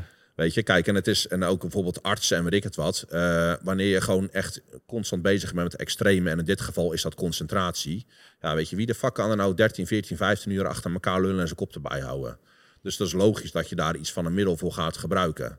Maar dat zou ook niet eenmalig zijn. En um, ik denk dus bij deze sport, um, uh, kijk, als jij, zelfs als je niet verslaafd zou zijn aan het middel zelf, um, maar jij wil gewoon heel ver komen in je leven met trainen Alleen al het effect dat je sneller herstelt van je trainingen, zodat je vaker kan trainen, zodat jij makkelijker dingen leert. Al, al heb je het over, weet ik van deadlift techniek of zo. Mhm. Als jij uh, in één keer, uh, nou ja, weet ik veel, als jouw herstel keer anderhalf is en jij kan anderhalf keer zo vaak een sessie pakken, ga je natuurlijk ook sneller een deadlift uh, perfectioneren. Dus zelfs als het mentaal niet verslavend zou zijn, denk ik dat dat effect al wel een stuk verslavend is. Ja, er, zijn, er komen gewoon veel dingen bij kijken. En iedereen ja. zal op, uh, op zijn of haar manier daar. Ah, je zit wat lekkerder in je vel. Um, uh, je bent wat. Uh, ik merk ook zeker dat ik efficiënter werk. Um, dat ik. kijk, ik, ik heb periodes dat ik 80 uur in de week werk. En ik bedoel, ik, weet je, ik, ik werk. maar ik vind mijn werk is mijn hobby en andersom. Dus ik vind dat helemaal niet erg. Ehm, maar ja, ik, ik vind het helemaal niet erg om zowel fysiek als mentaal zwaar te werken. Ehm, en ik denk dat het daar heeft het ook al een, een, uh, een groot positief effect op. Dus uh, kijk, zelfs als je je gevoel helemaal los zou kunnen koppelen van het fysieke plaatje wat je ermee behaalt, um, denk ik dat met alle andere dingen die je daarmee ook extra uit je leven haalt, of die je nou ja, qua productiviteit wint, is het gewoon lastig om daar weer afstand van te doen. Ja, dom. Want als je het zo benoemt, dan, dan, dan, klinkt het natuurlijk heel verleidelijk en aantrekkelijk om. Dat ik van nou, ik wil ook wel uh, eh, 80 uur per week kunnen werken. Ik wil, maar je betaalt natuurlijk wel ergens een keer de prijs voor het nu opnemen of nu je lichaam tot grotere uh, uiterste pushen. Waardoor je dan ergens gaat dat een keer, weet je, zoals een soort van uh, ja, je hele leven met een ton moet doen. Ja. En je gebruikt nu alles. Dat, ja, precies. Dat, is, een, is, misschien niet helemaal een goede vergelijking. Ik heb dat voorbeeld ook een keer gemaakt, inderdaad. Uh, dat was dat, wat ik in dat filmpje maak, maakte. Kijk, stel dat um, uh, we hebben hier een jochie van 20 zitten. Mm -hmm. En ik zeg tegen hem, of uh, wij zeggen nu tegen hem... komend jaar krijg jij van ons allebei 5000 euro per maand. Mag je uitgeven wat je wil. dat gaan we jou één jaar doen. Nou ja, wil je dat ja of nee? Tuurlijk zegt dat jong ja. Maar nou ja, na dat jaar stoppen wij allebei met 5000 euro per P en die jongen geven. Die is voor de rest van zijn leven verziekt. Dat is een beetje de. Want die weet wat hij hoe die, wat met dat inkomen kan doen. Die heeft daaraan geproefd. Die heeft daarvan kunnen genieten. Uh, en ook nog zonder nadelen op dat moment. Wat natuurlijk met gebruik ook zo is. Mm -hmm. En daarna valt het in één keer weg. Ja, succes met de rest van je leven. En ik denk dat je het een beetje op die manier ik denk dat dat, dat, dat ja, misschien is die iets te kort door de bocht, maar... Maar ik denk dat het, het idee erachter, of, of het, het, de beeldvorming, weet je, voor mensen ook... Ja, er zitten echt wel voordelen aan, anders zouden niet zoveel mensen Tuurlijk. het gebruiken. Maar besef wel dat dat uh, een prijs is die je wellicht ja. in de toekomst... En, en voor jou is misschien de prijs, jij onderzoekt het goed en je probeert daar heel goed mee om te gaan, goed in te lezen. Ik denk dat iedereen dat natuurlijk wel voor zichzelf zou zeggen, maar omdat jij als coach zijnde, je laat je bloed testen, kun je dat ook uh, bevestigen natuurlijk. Hè? Ja. Dat, dat het wat minder riskant is misschien wel. Mm. Uh, ja, en je weet het nooit. Het is een soort Russisch roulette wat je misschien ja. wel speelt met je gezondheid. Kijk, en het, het lastige is wel... Um, kijk, je kan inderdaad bloedtests doen en zo... maar je weet natuurlijk nooit 100% zeker wat er, wat er aan de binnenkant speelt. Dus in die zin blijft het in zekere zin wel een gok. En natuurlijk kan je... Kijk, je kan een hele hoop stappen ondernemen... om die gok zo, uh, nou ja, zo vrij mogelijk van schade te houden... Uh, noem inderdaad een aantal supplementen wat ik net zei. Uh, kijk, er zijn, uh, tegenwoordig zijn er best wel wat bedrijven die ook inspelen op mensen die gebruiken. en nou ja, die inderdaad bereid zijn om te investeren in gezondheid. Maar um, kijk, als je ziet wat de supplementen die ik nu neem om mijn gezondheid zoveel mogelijk te ondersteunen. 300 euro per maand is niks. Ja, dus jij dat... kiest echt dan kwalitatieve supplementen. Ja. Uh, en dan hebben we het over waarschijnlijk vitamines en mineralen die je neemt? Uh, ja, dat, dat, nou ja, dat niet eens alleen. Maar er zijn bijvoorbeeld supplementen die uh, bijvoorbeeld je lever wat ondersteunen met het ontgiften van afvalstoffen. Mm -hmm. Er zijn supplementen die ervoor zorgen dat bloeddruk iets zakt, waardoor nou ja, stress op je, op je vaten en je nieren wat lager is. er zijn supplementen die zenuwweefsel ondersteunen met het afvoeren van afvalstoffen. Dus ja, weet je, je kan het zo gek niet maken als dat er natuurlijk ergens een supplement voor is. Um, maar uh, kijk, het, lastige met hormonen is, de hele functie van hormonen is dat uh, één molecuul of één soort stof in het hele lichaam heel veel verschillende effecten heeft. Dat is het hele doel van hormonen. Ze worden ergens in je lichaam afgegeven. Nou ja, en in spieren zorgt testosteron voor meer groei, maar in zenuwweefsel zorgt het voor uh, nou ja, wat meer agressiviteit of wat meer, nou ja, dat je wat, wat, wat directer bent op je lichaam zorgt het voor meer beharing, weet je. Dus er zijn heel veel verschillende effecten van, van één soort hormoon. Uh, en het lastige daarmee is dus ook dat je, um, als je de negatieve effecten wil remmen, zijn er ook heel veel verschillende stapjes die je kan maken om op elk type weefsel uh, de schade te beperken. Maar ja, dat betekent dus ook dat dat een flinke investering gaat zijn. En er zijn een hele hoop jongens die, uh, nou, ik had bijvoorbeeld een tijdje geleden had ik een, een, jongen die aangaf dat hij coaching wou. die kuurde al. Dus ik zei, nou ja, is goed als jij wil dat ik jou hierin ga begeleiden. Ik, voeding en training kan ik sowieso weer doen en leefstijl. Als je wil dat ik jou begeleid in ook gebruik. Uh, dat kan, maar dan wil ik eerst bloedwerk zien om te kijken waar je nu staat en welke stappen daar. En, nou ja, is goed. Welke waarden wil je weten? Dus ik stuur een lijstje door. Hij zegt ja, ik heb het even nagevraagd, maar dat kost me wel 300 euro. Dat, uh, daar kan ik ook een paar vuiltjes voor halen, is dan zijn reactie. Ik zeg ja, weet je, dan zoek je het maar uit ook, maar dan ga ik je daar niet in helpen. Als dat inderdaad je insteek is dat je die paar honderd euro niet wil investeren nu om, nou ja, eh, en als jij tien jaar verder bent en je hebt in één keer leverfalen, joh, dan had je nou bij wijze van spreken een hypotheek afgesloten om het te voorkomen. Ja, dat is wel interessant. Ja, soms die 300 euro uh, niet willen, dan betaal je uiteindelijk ook weer de prijs. Ja, nou ja, kijk, en dat is, uh, ik denk dat dat met, met, met veel dingen zo is. Maar dat is, nou ja, weet je, waar we het in het begin een beetje over hadden. Ik denk dat um, het verstandig is om inderdaad, ga eerst eens kijken met een coach of je er inderdaad dingen zijn die je uh, verder zou kunnen optimaliseren. Want misschien uh, heb jij in potentie wel in je dat je de resultaten die je zou willen halen, dat jij die kan behalen zonder als jij, weet ik veel, je, je training en je, je voeding maar wat verder optimaliseert met dingen waarvan jij misschien nu niet eens op de hoogte bent dat ze bestaan. Ja, ja dus, er komt deze vraag op. Het is wel interessant ook. Want ik denk ook als je dat bodybuild fysiek echt wilt hebben, mm -hmm. dan gebruik uh, niet te voorkomen. Dus wat ik wel interessant vind ook is, waarom willen mensen dat fysiek uiteindelijk bereiken? Is dat, is dat nog iets waar dan ook over gepraat moet worden? Jonge gasten die over het algemeen onzeker zijn en gaan fitnessen. Er is niks mis mee. Dus denk heel natuurlijk. Onzekerheid sowieso niks mis mee. Ja. Kun je gewoon aan werken. En vooral ook uh, belangrijk om eraan te werken als het jou belemmert om je doelen te halen. Mhm. Maar is dat niet een gesprek ook waar we wel vaker bijvoorbeeld uh, dat gesprek moeten hebben van oké, okay, je wilt een bodybuild fysiek. Wat is de reden daarachter? Doe je het, Um, niet, niet per se voor jou, maar misschien heeft er ook wel bij jou een doel achter gezeten. Waarom Waarom wil je dat? Waarom wil je dat extreme doel behalen? En het heeft ook een prijs, want voor jou heeft het echt letterlijk relaties, werk. Je hebt alles bij wijze van op moeten geven Ja. Om dat doel te Het heeft, in behalen. ieder, geval- of op, het heeft in ieder geval invloed gehad, zeg Ja, maar. het is, eh, Kijk, nou klinkt het alsof ik iedereen de deur uit heb getrapt. en, eh, zo erg maar- was het ook niet. Nee, maar kijk, het is natuurlijk wel zo. ehm, eh, kijk, de relatie die ik nu heb met Lot. Zij, nou ja, zij is opgegroeid met een broer die ook gewoon altijd heel serieus trainde. En nou ja, zij heeft zelf ook een keer een wedstrijd gedaan. Dus dat klikt goed. Mhm. Ehm, maar ehm, ik denk als zij niet was opgegroeid met zo'n broer. Eh, en zelf geen wedstrijd had gedaan, had ze in principe een soort van dezelfde persoon kunnen zijn.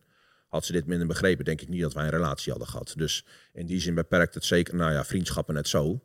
Ehm, ik denk dat eh, de vrienden die ik nu heb, eh, hebben indirect, heeft allemaal wel iets met sport te maken. Of tenminste, zo is het in ieder geval begonnen. Of met, nou ja, mindset qua werk en weet ik het wel. Dus in die zin beïnvloedt het zeker ook je relaties, ja. En nou, kijk, als ik zeg, eh, joh, eh, het heeft mijn relaties beïnvloed, dan vult iedereen in van, joh, weet je, die, eh, die gast die is agressief of weet ik het wat, kort lontje. En nou ja, die is, daar is niet mee te leven. Dat is niet zozeer hoe het is. Maar ehm, ik denk zeker dat het een hele hoop contacten beïnvloedt. Ja, ik ben, ik ben vooral benieuwd. Hè. Niet, niet dat ik daar per se een oordeel over heb, maar of er een, bijvoorbeeld een relatie is tussen ja, jongens die willen vaak één ding. Eh, zo, eh, niet één ding, maar een heel belangrijke eh, rol in, eh, in de leven van een jongen is een vader. Mhm. Ehm, de bevestiging krijgen van een vader dat je goed genoeg bent, is voor denk ik veel Ja. jongens. Nou goed, misschien niet helemaal onbekend, maar dat, dat speelt zeker een rol. Als je een harde vader hebt die gewoon ja, prestatiegericht is, die wil dat het beste voor zijn zoon. Ja. Maar komt daar een stukje misschien erkenning of bevestiging wat ontbreekt, wat ertoe leidt dat je misschien op het gebied van, eh, van een lichaam heel ver gaat om daar bevestiging in te scoren. Of het gebied van eh, een dure auto. Nou, dat, dat woorden wou ik net aanhalen. Ja, jij hebt het nu inderdaad over eh, nou, waarom mensen zo'n bodybuild fysiek hebben. Maar ik denk dat je die vraag een heel stuk breder kan trekken. En dat jongens doorgaans echt wel op zoek zijn naar status. En of dat nou een fysiek is, of een groot inkomen, of een duur horloge, of nou ja, een grote auto. Weet je, verzin, eh, verzin twintig andere dingen. Ik denk dat op een of andere manier ehm, zijn jongens of mannen altijd op zoek naar status. Mhm. Eh, en nou ja, ik denk dat bewust of onbewust, eh, nou ja, een beetje in een traditionele relatie natuurlijk, dat moet je er tegenwoordig al bij zeggen, maar eh, voor vrouwen denk ik dat status ook een, een groot stuk in aantrekking meespeelt.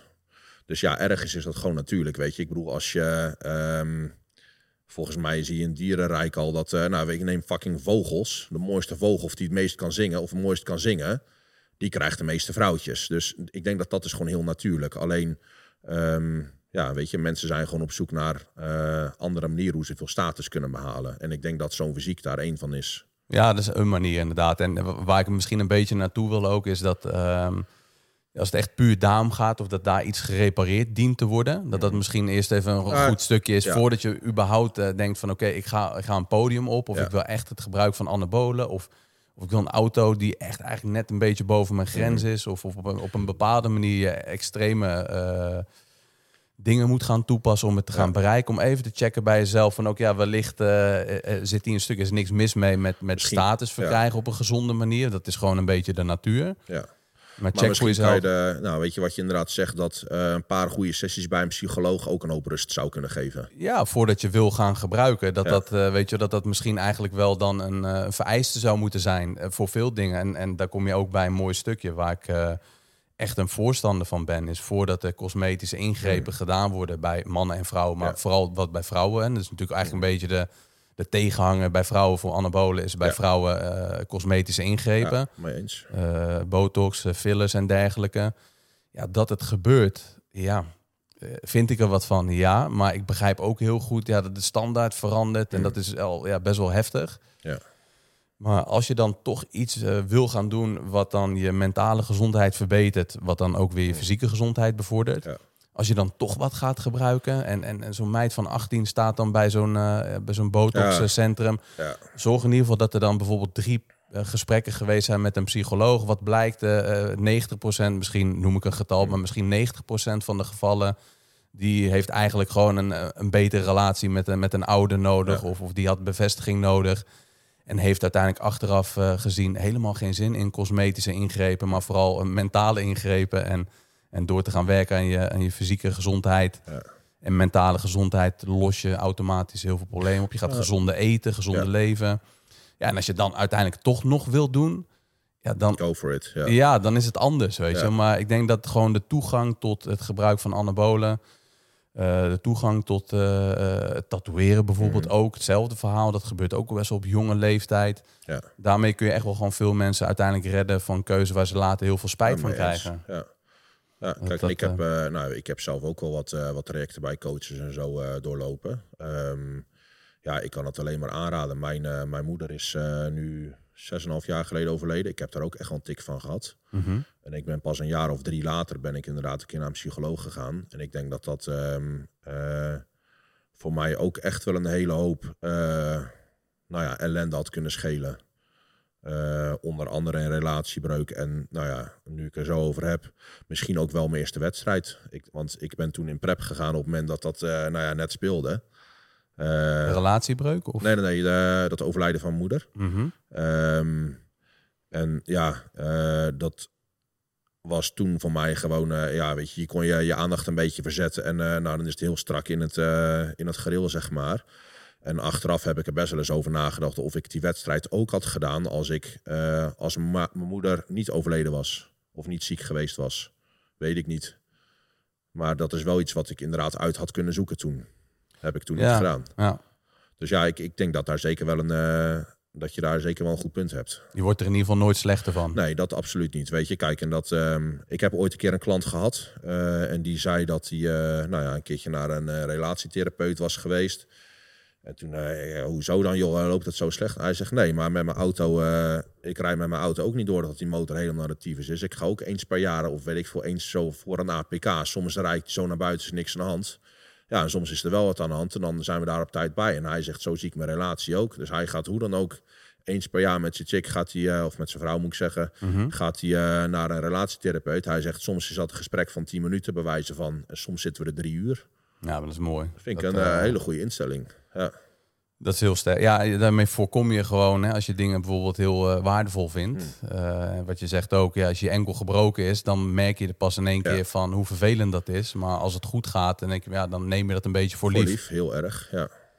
Eh, maar net zoals wij zelf zijn relaties ook niet onsterfelijk. En daar moet je hard aan werken om dat Ja. werkend te houden. De relatie met jezelf, de relatie met je partner, de relatie met je omgeving, ja, met je gezondheid, je bankrekening. ook.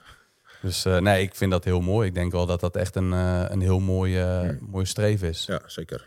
Ja, ik denk dat eh, preventieve dingen uitzoeken voor je gezondheid, voor ja, waardevolle relaties en situaties Hmm. heel belangrijk is. Ehm, dat is een mooie tip hè, van die vriend van jou. Maar wat zijn dingen die jij vaak als tip meegeeft? Wat komt bijvoorbeeld veel op jouw Instagram-pagina of bij online klanten naar voren? Mhm. waar mensen eigenlijk gewoon gelijk mee aan de slag kunnen. Ehm, nou, dan is één onderwerp wat, eh, waar iedereen winst mee kan halen, dat is slaap. En ik denk als, ehm, eh, ik heb er ook wat boeken over gelezen en zo, maar ehm, er is eigenlijk geen ziektebeeld ter wereld, of chronisch ziektebeeld ter wereld, wat niet iets verbetert als mensen beter gaan slapen. Uh, kijk, nou ja, mensen hebben heel vaak een beetje het idee dat uh, slaap maar een beetje zon is van je tijd. Weet je, er was een keer zo'n quote van Schwarzenegger van als je acht uur per nacht moet slapen, moet je gewoon sneller slapen. dus dat zes uur slaap per, uh, per etmaal voldoende zou zijn. Maar um, kijk, als uh, slaap niet heel gunstig zou zijn, was het door evolutie natuurlijk al lang weggefilterd. Want nou, je ligt inderdaad gewoon een derde van je hele leven lig je met je ogen dicht. Je bent niet klaar om te reageren op impulsen of gevaar of weet ik het wat. Um, alleen Kijk, uh, heel veel mensen zijn natuurlijk bezig met het optimaliseren van gezondheid, uh, eventueel medicatie of nou ja, wat ik net zei, supplementen, weet ik het wat.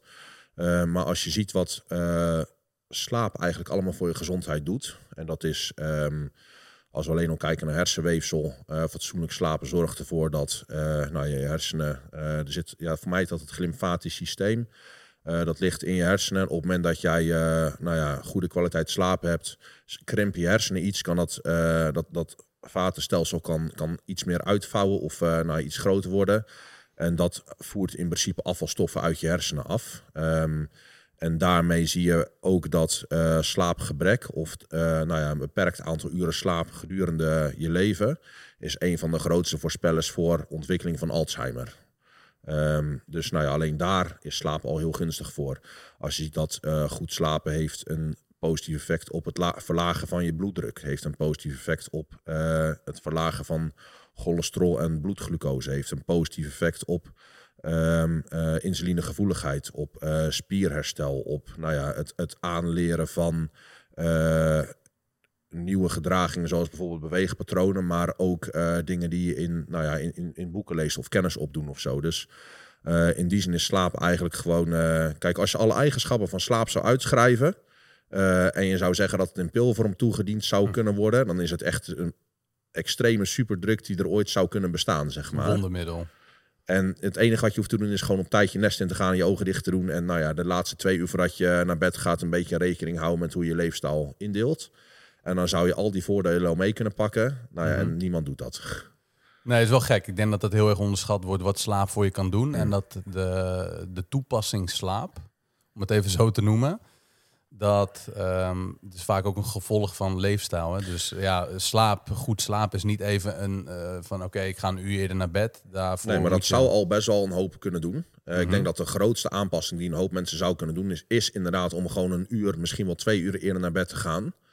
Uh, alleen daar zouden heel veel mensen al heel veel winst uit kunnen halen. Om gewoon even tot de rust te komen? Of, ja, gewoon meer slaap te pakken. Heel veel mensen denken van ja, weet je, ik bedoel, als ik ochtends opsta en ik heb maar drie koppen koffie nodig. En uh, nou ja, weet je, ik moet een half uur snoezen en ik ben mijn nest uit. En ik ben binnen een half uur enigszins uh, aanspreek, aanspreekbaar. Dat dan hun slaap goed is. Maar ja, dat is natuurlijk lang niet het geval. Uh, ik denk dat, nou ja, zeker ook als ik bijvoorbeeld mezelf als voorbeeld neem. Ik heb heel lang op uh, 6 à 7 uur slaap aardig gefunctioneerd. Uh, maar ik ben daar nu wat meer op, uh, nou ja, wat meer serieus mee bezig. En ik zit natuurlijk nu ook een beetje in een bulkfase slash groeifase. als ik nu minder dan 9 uur slaap, merk ik daar echt negatief effect van. Dus ik slaap 9 uur per dag, probeer ik nu echt een beetje aan te houden. Als ik minder dan, dan 8 uur slaap, heb ik daar echt al een uh, terwijl heel veel mensen is acht eigenlijk het ultieme streven. Dat redden ze al niet. Ja, het ligt een beetje tussen zeven en de negen uur. Ja, ja, Er zijn ook wel studies die zeggen, ja, sommige mensen hebben echt minder slaap nodig. Maar... Ja, maar dan heb je het uh, over het nodig hebben wat betreft um, um, mentaal functioneren. Of mm -hmm. inderdaad uh, gewoon het, het makkelijk wakker worden. Maar ik denk dat nou ja, de meeste van jouw luisteraars zullen denk ik ook wel enigszins in sport thuis zijn. Uh, iedereen die sport heeft meer slaap nodig dan uh, dezelfde persoon die niet sport. Omdat je lichaam natuurlijk ook moet herstellen. En tijdens slaap kan je ook een hele hoop positieve, uh, of je nou krachttraining doet of een ander soort sport. op elk soort sport heeft meer slapen, of tenminste goed slapen, een positief effect. Um, dus ja, ik, ik, ik denk dat um, echt voor iedereen ter wereld meer en beter zou slapen, zou een hele hoop medicatie en zo schelen. Er zijn bijvoorbeeld wel onderzoekjes gedaan um, dat uh, wanneer de, nou ja, met, met voorjaarstijd dat de klok een uur vooruit gaat, dan slaapt iedereen, eigenlijk bijna iedereen natuurlijk een uur minder, want niemand gaat een uur eerder naar bed daarvoor. Eh, die dag daarop eh, zie je bijvoorbeeld meer ziekenhuisopnames met hartklachten en zo. En in het najaar, als de klok een uur teruggaat, uh, mensen gaan dan ook niet, vaak ook niet een uur later naar bed, want ze houden gewoon rekening mee. Dus mensen slapen die nacht vaak een uur langer. Zie je de dag erop zie je minder ziekenhuisopnames. Interessant, en dat, ja, is, dat, is, dus al het effect van dat ene uurtje. En tegelijkertijd, nou ja, weet je, iedereen weet wat het negatieve effect van een jetlag is. Um, tenminste op korte termijn. Dat merk je wel aan concentratie en aan ritme en weet ik het wat. Terwijl bijna iedereen bij zichzelf in het weekend een jetlag creëert. Want ze gaan in het weekend een paar uur later naar bed en een paar uur later opstaan dan uh, dat ze uh, nou ja, door de week doen. En die maandag creëren ze weer een jetlag de andere kant op. Dus, dus blijf je een beetje... Uh, kloten. Ja. ja. Ja, ik, ik denk dat daar, dat daar voor echt iedereen een hele hoop winst in te behalen zou zijn. En het is een heel saai antwoord. Maar ik denk dat er ook geen één aanpassing is, um, zowel mentaal als fysiek, die iemand kan maken die een groter effect heeft dan deze. Ja, en toepasbaar of echt even in de praktijk eh, genomen als je weinig slaapt. Ik denk dat we dat allemaal wel beseffen of we professioneel met fitness mm. bezig zijn of niet. Uh, als je weinig slaapt, de dag daarna de kans dat je ongezond eet is gewoon zoveel ja, groter. Ja, ja. Je werkprestaties zijn een stuk minder. Ja. Eigenlijk alles leidt er wel onder. Kijk, en heel, heel veel mensen hebben uh, een beetje zoiets van... ja, weet je, als ik de dag doorkom zonder in slaap te vallen... nou ja, goed, dan heb ik de negatieve effecten van het weinig slapen wel uh, aardig getackeld. Maar het gaat echt veel verder dan dat. En nou ja, weet je wat je net al zegt... alleen voor afvallen al zie je dat... Uh, nou ja, twee hormonen die enigszins interessant zijn voor um, energieinname... zijn leptine en ghreline... Uh, ghreline, een hogere ghreline level zorgt voor uh, meer honger. Uh, en een nou ja, lagere leptine level of nou ja, um, zorgt voor minder hon hongeronderdrukking. En wat je bijvoorbeeld ziet, mensen met slaapgebrek of die weinig slapen, geven meer ghreline af of zijn gevoeliger voor ghreline. Dus zorgt dat voor een hogere energieinname. En um, Tegelijkertijd zijn ze minder gevoelig voor leptine of wordt minder leptine afgegeven. Dus hongeronderdrukking van de calorieën die je al extra binnenkrijgt, is ook nog eens minder. Dus ja, je wordt aan twee kanten bij jezelf het naaien. Ja. ja, en dan heb je dan ook nog cortisol en eh, je testosteron wat er allemaal onder leidt. Nou ja, gemakzucht, weet je. Dat, uh, wat ze ook zien is dat mensen die um, uh, slaapgebrek hebben, kiezen vaak voor nou ja, minder gezonde voedingsmiddelen dan mensen die voldoende hebben geslapen. Dus uh, weet je, en dan heb je het alleen al over je energieinname en nog niet eens over, nou ja, uh, dat dezelfde hoeveelheid calorieën die je binnenkrijgt, als jij heel erg veel slaapgebrek hebt en cortisol is hoger, wat je net zegt, en insulinegevoeligheid is lager, heb je ook nog eens een grotere kans dat diezelfde hoeveelheid calorieën, al zou je het op hetzelfde houden als wat je normaal doet, is de kans ook nog eens groter dat die calorieën makkelijker worden opgeslagen als lichaamsvet of in ieder geval rond je romp, in plaats van worden gebruikt voor bijvoorbeeld onderhoud van spierweefsel of worden opgeslagen in spierweefsel. Ja, precies. Dus hetzelfde wat je dan doet, de mensen dan ook zeggen, ik, ik heb niks veranderd aan mijn calorieinname, maar ik uh, val nu niet meer af. Dan, ja. dan, zou dat een gevolg kunnen zijn. Ja, zeker. Kijk, dat uh, hoef ik jou denk ik niet uit te leggen, maar caloriebalans gaat altijd op. Mm -hmm. Dus weet je, in een calorietekort vallen mensen altijd af. In een overschot komen ze, als het goed is, altijd aan. Een beetje de wetenschap, hè? daar kun je weinig aan doen. Alleen, um, kijk, wat natuurlijk wel zo is, uh, weet je, dat hele spaarstandverhaal. Ik heb er ook een paar keer een post over gedaan. Spaarstand is fucking bullshit, weet je. Um, uh, iedereen die nu zegt op, uh, weet ik veel, een calorie X niet af te vallen, wat ver onder een onderhoud is. Als jij tegen ze zou zeggen, dat is goed. wij sluiten jou twee weken op ergens in een huisje met allemaal camera's jij mag blijven eten wat je nu zegt, of wij zorgen dat het eten beschikbaar is. Val jij niet af, krijg je 100.000 euro. Als je wel afvalt, wil ik voor jou 10.000 euro. Niemand gaat meedoen. Nee. Dus, nee, dus dat, dat eh, heb je ook wel eens inderdaad een eh, post over gemaakt.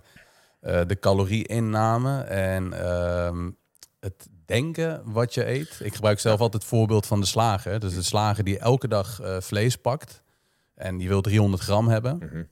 Sorry voor de vegetariërs, maar uh, wordt het vlees gegeten.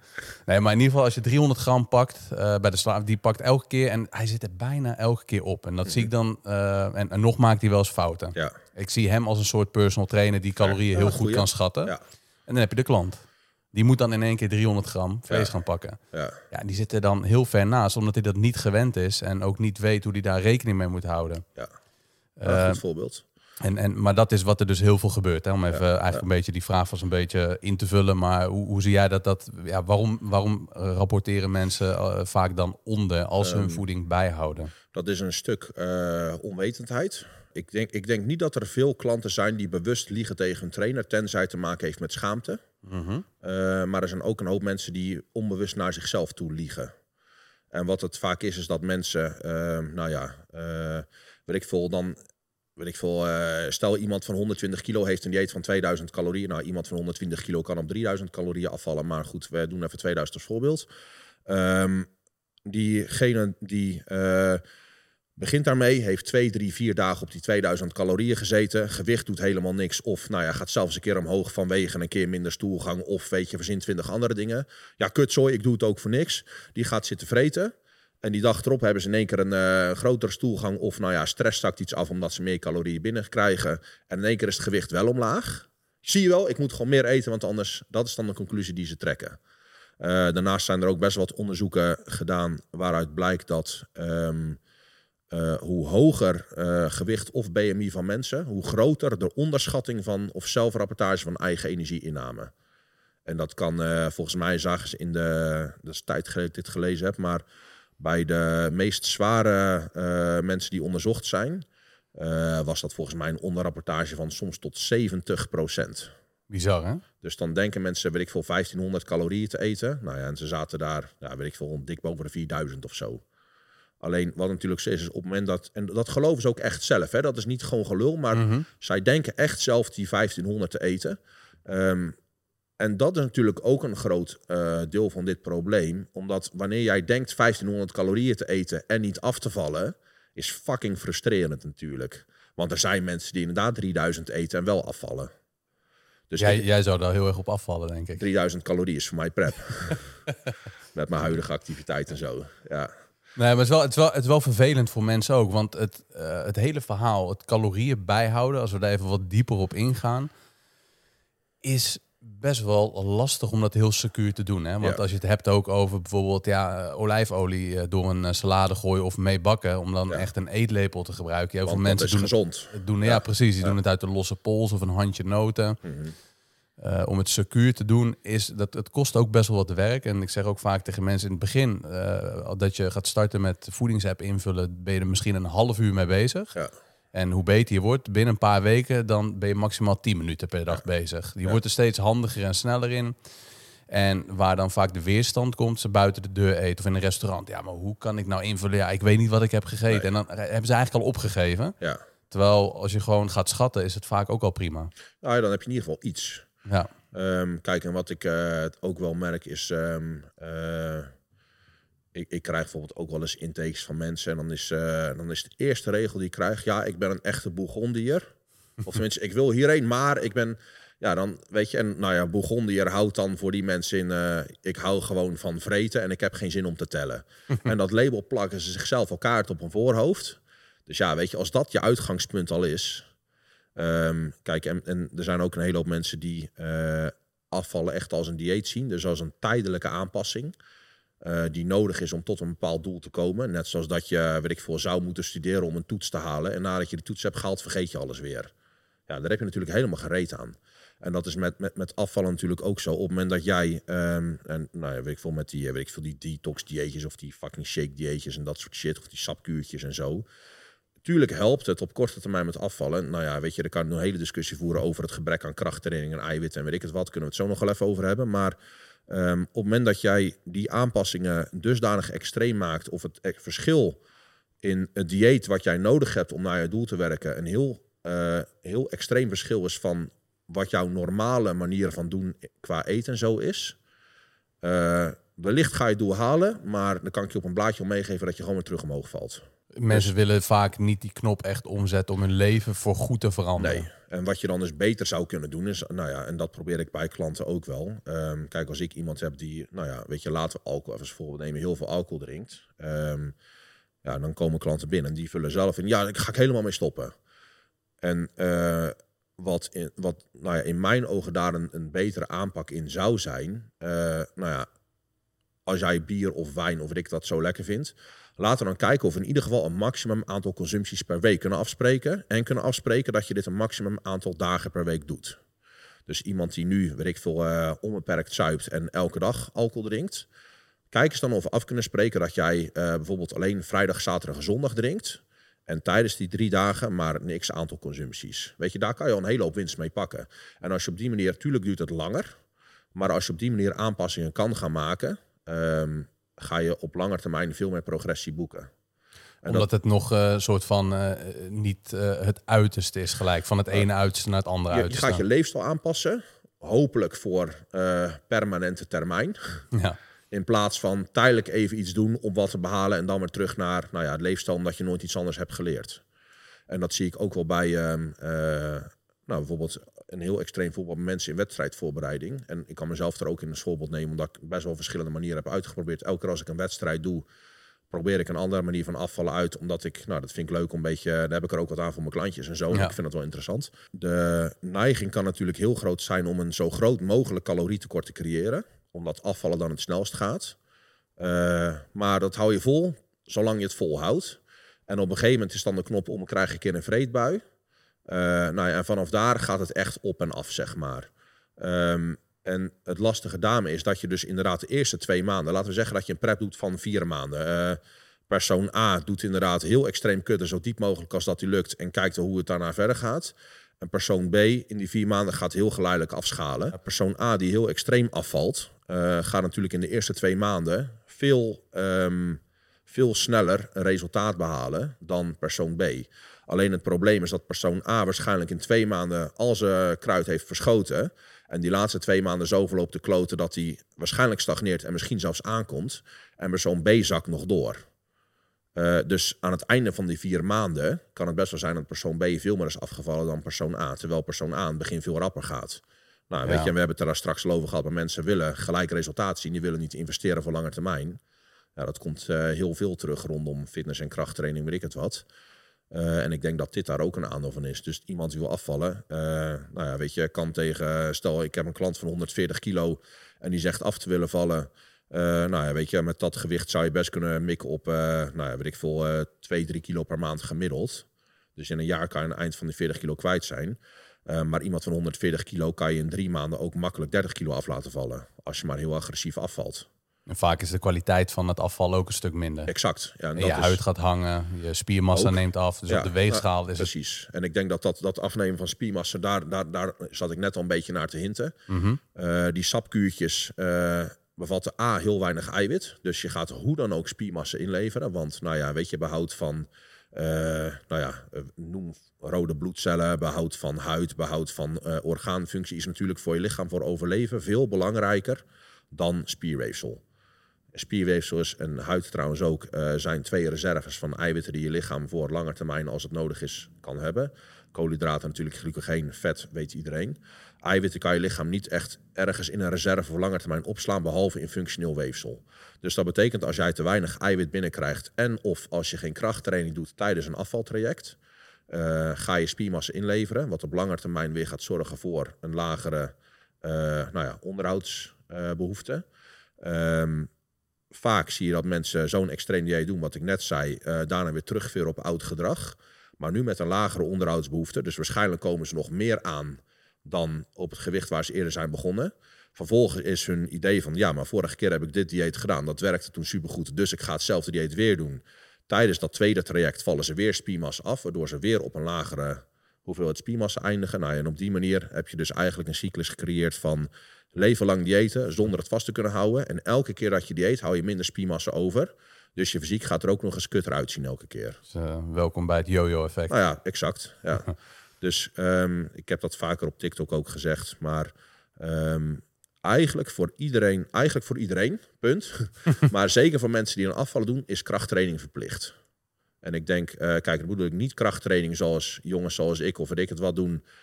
Ik, ik hou niemand voor dat uh, topsport gezond is, waar we het net ook over hadden. Maar gewoon gematigde krachttraining, laten we zeggen twee à drie keer per week, waarin je wel iets van progressie pusht, zou eigenlijk voor iedereen verplicht moeten zijn. Meens, ja. Makkelijk en, zeggen vanuit mijn nou ja, positie, ja, maar het is wel, ja, het is, ja, weet je, we kunnen eromheen draaien, maar ja, krachtsport is gewoon heel gezond. En als je kijkt ook naar alle onderzoeken of de ervaring die mensen hebben voor, voor je mentale gezondheid ook, maar ook voor de bescherming van je gewrichten. Of dat wij vanuit de natuur... eh, Botbreuken, weet je, er ja. zijn twintig andere dingen, behalve dan dat je spiermassa opbouwt. En nou ja, weet je, sarcopenie bij ouderen, spierafbraak eh, met, met nou ja, opkomende leeftijd, ehm, is een van de redenen dat de kans op eh, diabetes eh, bij ouderen toeneemt. Op het moment dat je die spiermassa kan onderhouden, eh, heeft je lichaam natuurlijk een grotere nou ja, re- reservoir waar je calorieën in kwijt kan, behalve in vetweefsel. Ehm, dus ja, ik, ik denk dat echt iedereen krachttraining zou moeten doen. Als je het nu nog niet doet als luisteraar, dan, weet je wat je... ja, precies. Weet je wat je te doen staat. Nee, maar ik denk dat het soms ook wel ja, een beetje tijd maken is. Maar als je kijkt ook naar die calorie-app, ik denk dat het ook iets is wat je in je leven een keer gedaan moet hebben. Los van het feit of je misschien een eetstoornis in het verleden hebt gehad. Dan ben ik altijd wel een beetje voorzichtig met Ja. zo'n eh, voedingsapp invullen. Ehm, maar een keer in je leven, bijvoorbeeld 90 dagen, echt heel secuur een voedingsapp eh, bijhouden, is een van de meest waardevolle cadeaus die je zelf wel kan doen, omdat je cadeaus die je zelf kan doen. Omdat en je daar- eerlijk dan ook. en ook eerlijk, omdat je, wat ik fijn vind, bijvoorbeeld ook als ik start met mensen in een traject, over het algemeen beginnen we altijd met flexible dieting. Dus mensen moeten hun eh, voeding gaan bijhouden, zonder dat ik gelijk ga snijden in wat ze eten. Ja. Want je wilt dicht bij jezelf blijven, ook al is dat misschien niet een hele gezonde eh, versie op dit moment van jezelf. Maar door flexible dieting, dieting te doen, ga je gewoon eigenlijk ja, alles wat je eet opschrijven. Ja. En daaruit ontstaan vanzelf bewustwordingen, Mhm. eh, keuzes die je daarop eh, zelf gaat maken. Dat je denkt ook van ja, eh, die alcohol in het weekend, dat, dat zorgt voor 8000 calorieën per week. Ja. En dit is echt niet gelogen. Dat, is, dat makkelijk. gebeurt. Ja. Gebeurt heel makkelijk, hè, calorieën. Of laat het er 4000 zijn. Ja, je wil ze nog steeds nemen. Ja, oké, maar dan maak je zelf de keuze. En ik denk dat volgens mij de meeste mensen ook wel weten dat als je een keuze zelf maakt om te veranderen, dat dat de meest rendabele keuze Ja, die je maken. ook. Ja, als ik die keuze ga maken van nou, je mag dit niet nemen, dan kunnen mensen het doen, maar dan doen ze het voor mij. En dan Stem. daarna vallen ze weer in ja, dezelfde gewoontes. Ja. En je wilt eigenlijk dat mensen zelf in gaan zien van nee, hoe ik nu leef, dat zorgt voor dit. Mhm. En dat mensen ook, ja, bijvoorbeeld als je, negen, als je een tra- traject gaat starten bij een coach, bij jou of bij mij, en je kan niet eens 90 dagen een voedingsappje invullen voor de verbetering van je gezondheid. Dan wil je het ook niet. Denk het niet. Ik denk dat de, de ja, we hebben het er eerder over gehad, eh, dat dan eh, de pijn niet groot genoeg is of eh, je het niet graag genoeg wilt. Ja. Maakt eigenlijk niet heel veel uit. En daarna kun je langzaam verder gaan van oké, hoe, hoe gaan we verder? Je hebt eh, flexibel dieet toegepast. Hoe gaan we nu naar volgende Ja. aanpassingen van je leefstijl? Laten we die alcohols even onder de loep gaan nemen. Of je, hè, je slaap inderdaad. Ja. ja of bij zo'n spreken, weet je, je vreet zes boterhammen tussen de middag, maar daar doe je nu haalgeslag op. Ja, Weet je, kijk, en het, het is natuurlijk eh, de meeste klanten die bij mij komen, die zijn wel bereid om echt aanpassingen te maken. Dus dat hoeft niet zo geleidelijk als dat ik nu zeg. Maar eh, je zou best kunnen zeggen, oké, doe er drie met haalgeslag, flikker op die andere drie eens een keertje kip. Of, nou ja, weet je, verzin iets. Dus eiwittennamen wat opkrikken. Nou ja, op een gegeven moment eh, is eiwittennamen wat omhoog, slaap is wat beter. Eh, rotzooi gaat er wat meer uit, slaapkwaliteit neemt iets toe. Eh, mensen gaan zich wat beter voelen. En dan gaat het balletje vanzelf rollen dat ze ook bereid zijn om weer meer aanpassingen richting een goede leefstijl te maken. Maar ja, en of dat nou in een traject van, weet ik veel, enkele weken of misschien een paar maanden is. Maar ehm, ik denk dat dat eh, veel, veel betere, eh, of een veel betere manier van langetermijn progressie is. Dan eh, hier heb je een hele doos met sapjes die je deze maand mag drinken en je bent gegarandeerd 10 kilo kwijt. Ja. Maar wat je daarna doet, weet je, zoek je maar lekker uit en val maar kapot. Ja, ik denk een schema maken voor mensen is vaak korte termijn. Dan, dan kunnen ze dat, ja, een, een streng eh, Sonja Bakker dieet, ja, kan, kan helpen. Ja. Eh, of eh, Herbalife, Weight Watchers, Cambridge, noem maar op. Kan allemaal werken, maar daarna val je wel weer in een gat. Want als je Ja. dat niet volgt, is een beetje, ik zie, zie dat ik heb wel eens wat eh, oud militair getraind. Die hebben vaak ook eh, heel peri- periodiek, dat zul jij ook wel hebben, is dan in, in wedstrijdvoorbereiding of in ehm, het stukje van ja, wanneer ze dan eh, ja, in dienst zitten, kunnen ze zichzelf echt gewoon helemaal Ja. pijnigen, echt helemaal tot het gaatje gaan. Ja. Maar wanneer dat voorbij is, is het een hel, dan is het een ramp. Ja. En daar wil je eigenlijk ook een beetje wat meer balans in vinden. Dus het gedurende het hele jaar, Ja. dat je gewoon een veel, veel constanter gewicht hebt. Met, met vechters bijvoorbeeld ook, die dan in één keer voor een wedstrijd ja, heel veel moeten afvallen. Ja, ik denk niet dat dat het meest optimale is. Nou, alleen al qua gezondheid niet, maar ook nog eens, eh, nou ja, kijk, als jij in de laatste, eh, weet ik veel, week 10 kilo kwijt moet, daar gaat een hele hoop vochtverlies ook bij zitten. Nou ja, weet je, en als jij de dag erop dan, eh, dan de ring in moet, Ehm, nou ja, weet je, je ziet dat, uh, weet ik, volgens mij een paar procent lichaamsgewicht aan vochtverlies doet al af aan output. Dus laat staan als jij uh, zwaar vocht aan het afdrijven bent, dan sta je gewoon niet 100% op het, nou ja, bij bodybuilding op het podium kijken. En bij bodybuilding boeit dat niet zozeer, want ja, weet je, je moet een paar poses aannemen en klaar. Maar als jij inderdaad, nou ja, weet je, of een powerlifter bent of weet ik voor een vechter of weet ik dat, en je hebt echt een, je, je moet fysiek een piekmoment leveren erachterop, ja, dan Gaat het hem niet zou ik- worden? nee, dan zou ik hem eerder oppakken inderdaad en zorgen dat er een groter aandeel vetweefsel is. En dat je qua vocht niet zo idioot grote stap hoeft te maken. Ja. En, en in de sportschool, hè, een stukje voeding hebben we ja, wel even doorgenomen. Daar kunnen we denk ik ook nog wel een hele podcast over vullen. Maar als je kijkt ook naar wat veel, eh, veel jongens volgen, ja, ook natuurlijk ook wel over voeding, maar ook eh, vanuit het stukje vanuit de sportschool. Ja. Ehm, wat kom je veel tegen wat dan eigenlijk verkeerd gedaan wordt? Hè? Voordat mensen überhaupt overwegingen nemen om bepaalde middelen te gebruiken, is er natuurlijk een heel traject wat eraan vooraf gaat. Mensen zijn nieuw in de sportschool of ze trainen al een tijdje, maar wat, wat zie je vaak terugkomen waar dan echt veel fouten op gemaakt worden? Dat is dan misschien een beetje niet de hoek die je verwacht. Maar wat mij sowieso vaak opvalt, is dat in krachttraining zien mensen een trainer nemen echt als iets voor eh, nou ja, rijke mensen of eh, een beetje van die, van die chappies, zeg maar, die eh, geld te veel hebben. Terwijl bij elke andere sport eh, is het niet dat je een paar YouTube-video's kijkt en dan maar gaat beginnen. Bij elke andere sport heb je iets van een trainer die of een groep les geeft of weet ik het wat. Terwijl bij krachttraining, ehm, nou ja, gaat iedereen maar... Misschien kijken ze niet eens YouTube-videootjes. Ehm, gaan ze gewoon een gym in. Die gaan gewoon trainen op, eh weet ik veel, een of andere manier. Nou ja, bouwen binnen een jaar een paar blessures op. Want ze doen oefeningen die iedereen doet en waarschijnlijk ook verkeerd uitvoeren. Dus ehm, ik denk dat daar een hele hoop winst voor mensen kan liggen. Dus eh, nou ja, in het traject dat je gaat beginnen, doe gewoon eens even één keer een PT of weet ik het wat. Ik denk dat je daar al heel veel extra uit kan pakken als je een beetje een goede trainer hebt. Nou weet je, dan heb ik eh, soms gasten van eind 20 die zeggen, ja, maar daar heb ik geld niet voor. Maar ik heb jongens van fucking 14 en 15 die uit Groningen met de bus naar Velendaal komen om een keer een training te doen. Dus ja, weet je, dat is gewoon een kwestie van prioriteit. En dat sparen ze bij elkaar van een maandje kranten lopen, bij wijze van of zo, weet je wel. Dus ik, ik denk, ehm, die instelling van, ja joh, ik weet het wel. Ik denk dat daar, eh, en nou ja, ook gewoon eh, een beetje ego liften. Ik denk dat, dat daar voor heel veel mensen een hele progressie bij te boeken is. Ehm, ja, en daarnaast eh, het idee dat meer calorieën ook meer spiermassa opbouwen betekent. En dan ja, een bulk die extreem doorslaat. Ik denk dat voor heel veel mensen daar een hoop winst te behalen valt. Ehm nou, slaap hebben we het over gehad, maar we hadden het nou even over voeding. Ik denk inderdaad calorieën tellen. Dus nou ja, weet je, ga lichtjes boven, boven onderhoudsbehoeften zitten, maar maken niet heel extreem. Nou ja, en gewoon even een paar vuistregels. 2 gram eiwit per kilogram lichaamsgewicht is een goed uitgangspunt. Het gaat op het gebied, gebied van spiermassa opbouwen dan. Ja. Ja. Ja, Ja, maar ook wel, kijk, ik bedoel, ook als jij, eh, weet ik veel, vechtsport doet of weet ik het wat, wil je natuurlijk ook dat je spieren, eh, nou ja, voldoende voeding hebben. Mhm. Duursporters is dat, eh, volgens mij lag die rond, weet ik veel, eh 1,4, 1,6, zoiets, het advies. Maar ehm, ik denk dat heel veel mensen eh, te weinig eiwit binnenkrijgen. Ehm, ik had bijvoorbeeld wel eens eh, dat ik tegen iemand zei dat je, weet ik veel, 200 gram eiwit per dag binnen moest krijgen.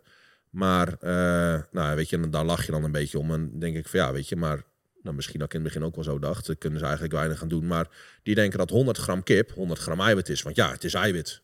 Ja. Dus 200 gram kip per dag en ik ben er. Maar dat is natuurlijk maar 40 gram eiwit. Dat is geen 200 gram. Dus ik denk dat ehm, het opkrikken van eiwitinname in die zin een stuk gunstiger zou kunnen zijn.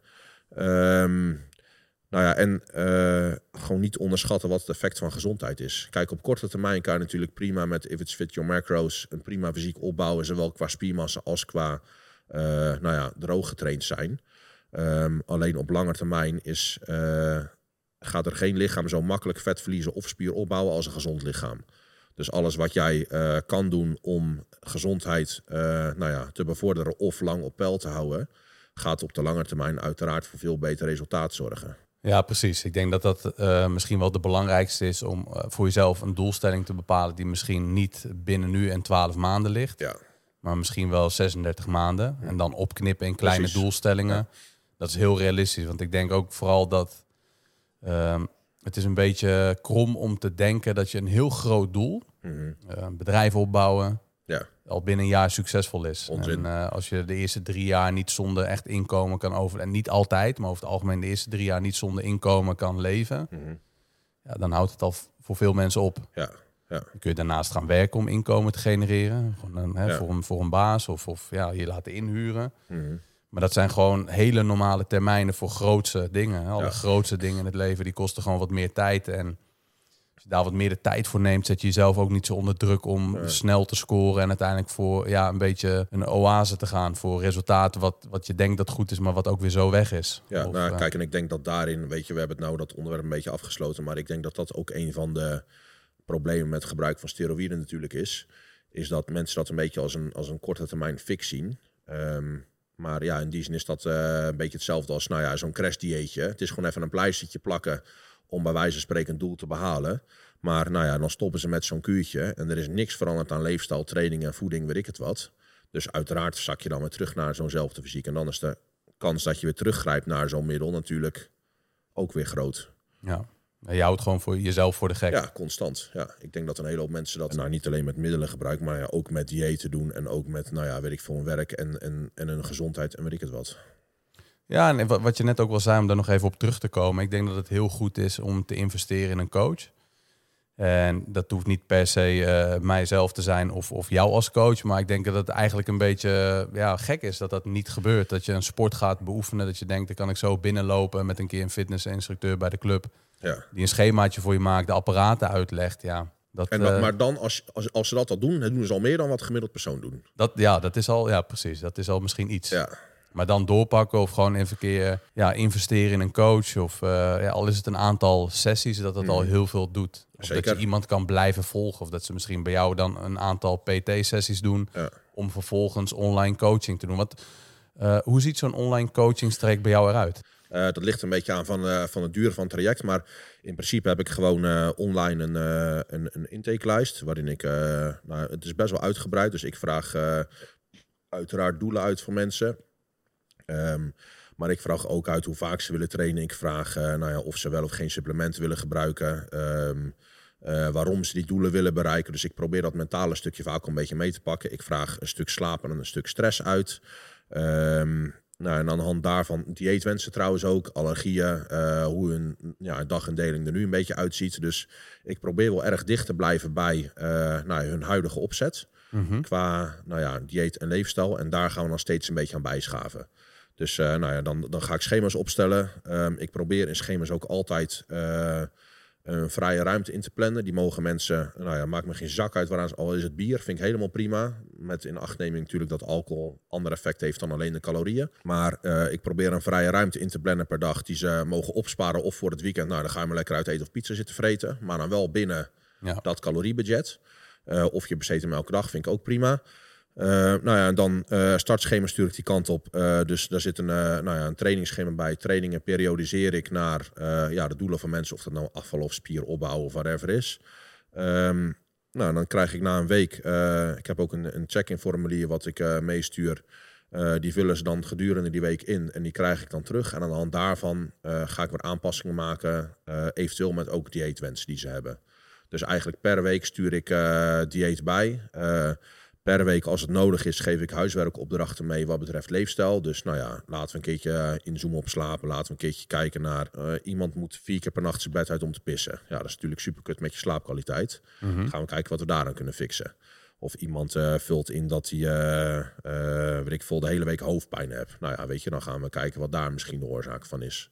Dus ik probeer een beetje stapsgewijs dat mensen nou, ja, in de loop van het traject eigenlijk richting een leefstijl sturen die, eh, nou, waar ze stapsgewijs als het goed is ook de voordelen van merken. Dus tegelijkertijd nou ja, creëren ook een beetje een motivatie om dat te blijven doen.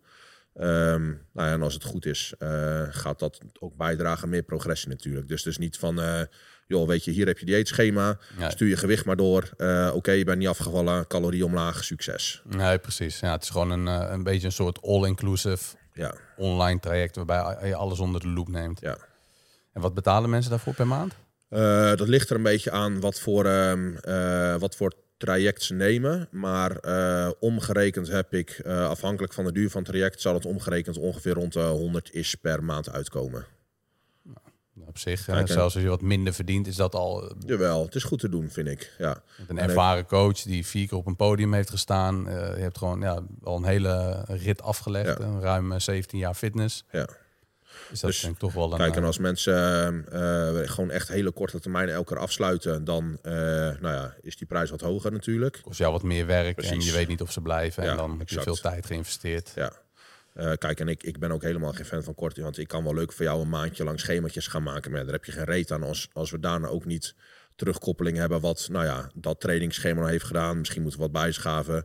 Eh, dat we niet even een paar weken hebben kunnen kijken wat nou ja, meer slapen of anders slapen. Of weet ik veel eh, aanpassing X, Y eh, voor jou heeft veroorzaakt. Dus ik, ik heb liever ook helemaal niet die korte termijnen. Maar ja, sommige mensen willen het eerst proberen. Dat snap ik, dat is prima. Mhm. Maar ja, dat kost van mij kan natuurlijk meer tijd in verhouding. Dus ja, dan ligt die prijs iets hoger. Ja. Ehm, maar ja, ik vind dat geen.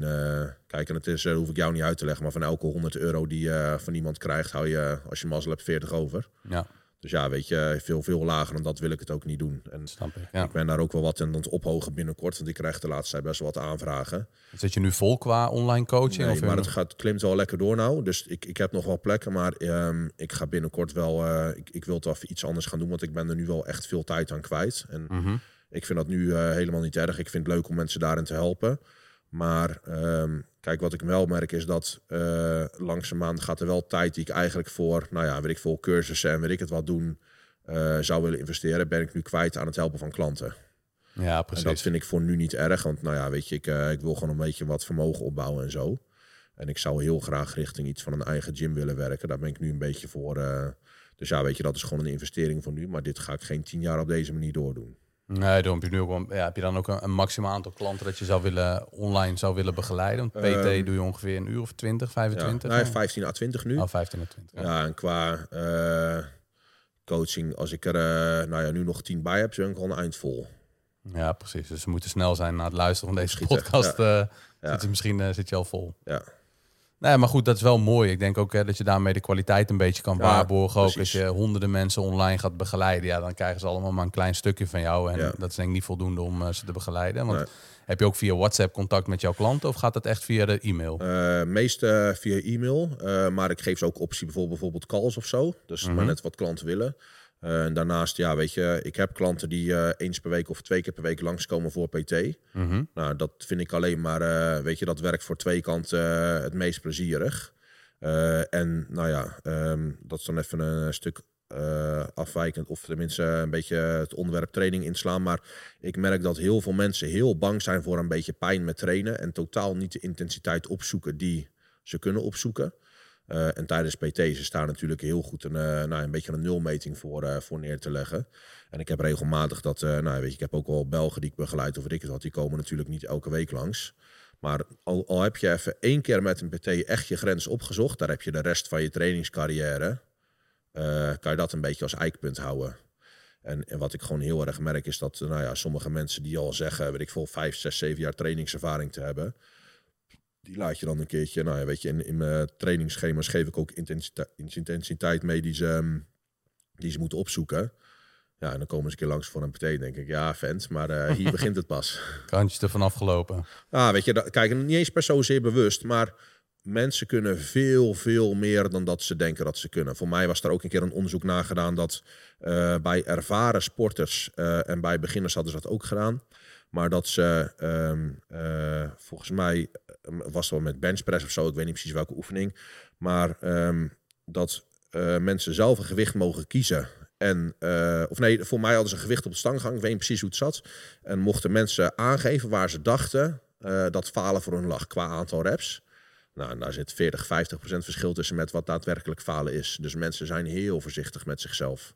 Is het niet zo dat we te veel in de gym eh, gewend geraakt zijn om herhalingen te tellen in plaats van te voelen wat je moet voelen? En, Eh, ja, dat denk ik wel. Kijk, Oh. en het, het tellen van herhalingen is natuurlijk. ehm, eh, kijk, op het moment dat je je, je trainingen bijhoudt, dat is natuurlijk het doel van je tellen van herhalingen. Van joh, een mik op ongeveer, weet ik veel, 8 of 10 of 12 reps. En zorg dat je daar faalt. Dat is natuurlijk de insteek geweest van die herhalingen tellen. En van die logboekjes van bodybuilders die je kan kopen. En weet ik het wat, Dorian Yates heeft volgens mij ook zo'n logboek wat je kan kopen.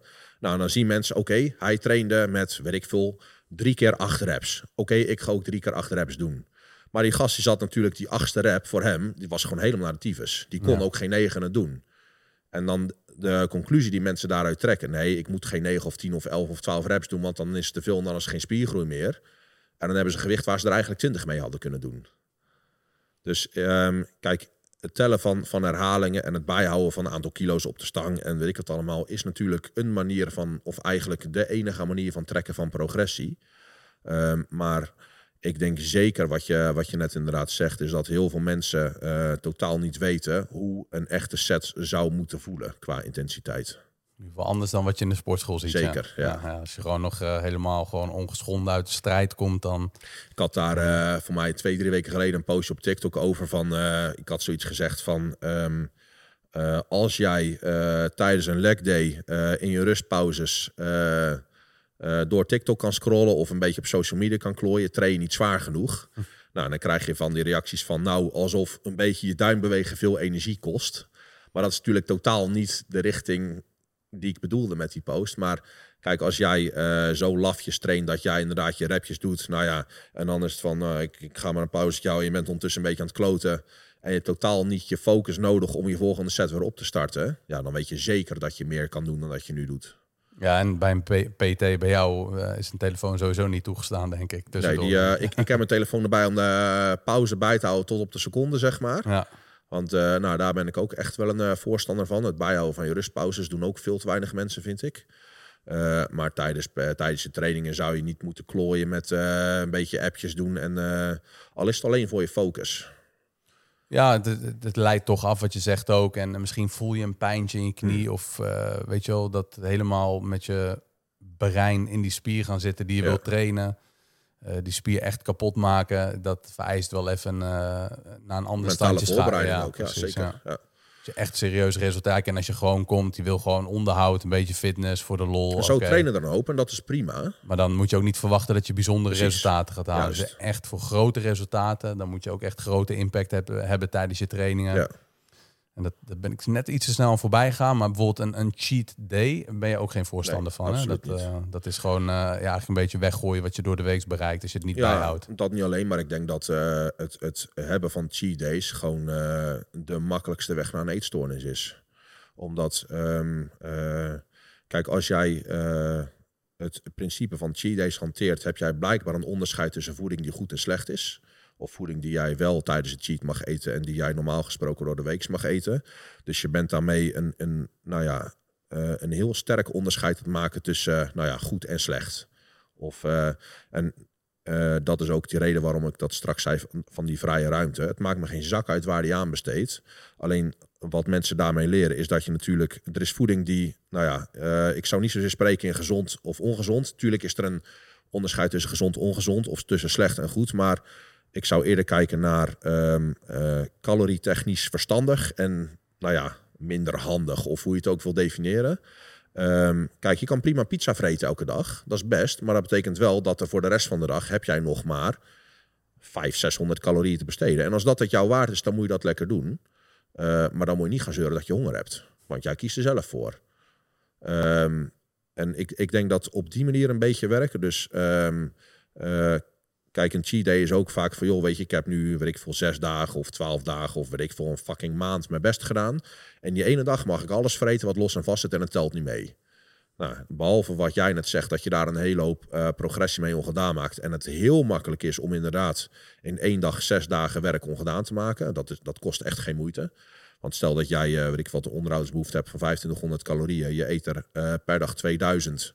Dat doe je vijf dagjes. Of nou ja, laten we even zes dagen voorbeeld nemen. Heb je natuurlijk een tekort van 3000 calorieën. Nou ja, op een cheat day, als jij uh, voor jouw gevoel zes dagen lang echt je best hebt gedaan.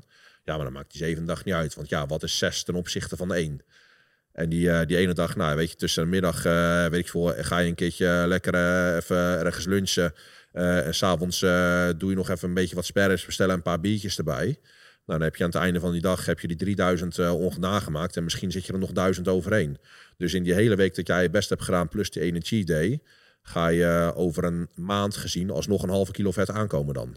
Ja, dus los van alle psychologische uh, nadelen die eraan zitten, is het gewoon uh, in de praktijk gewoon, uh, gewoon ja, niet rendabel. Nee, nee.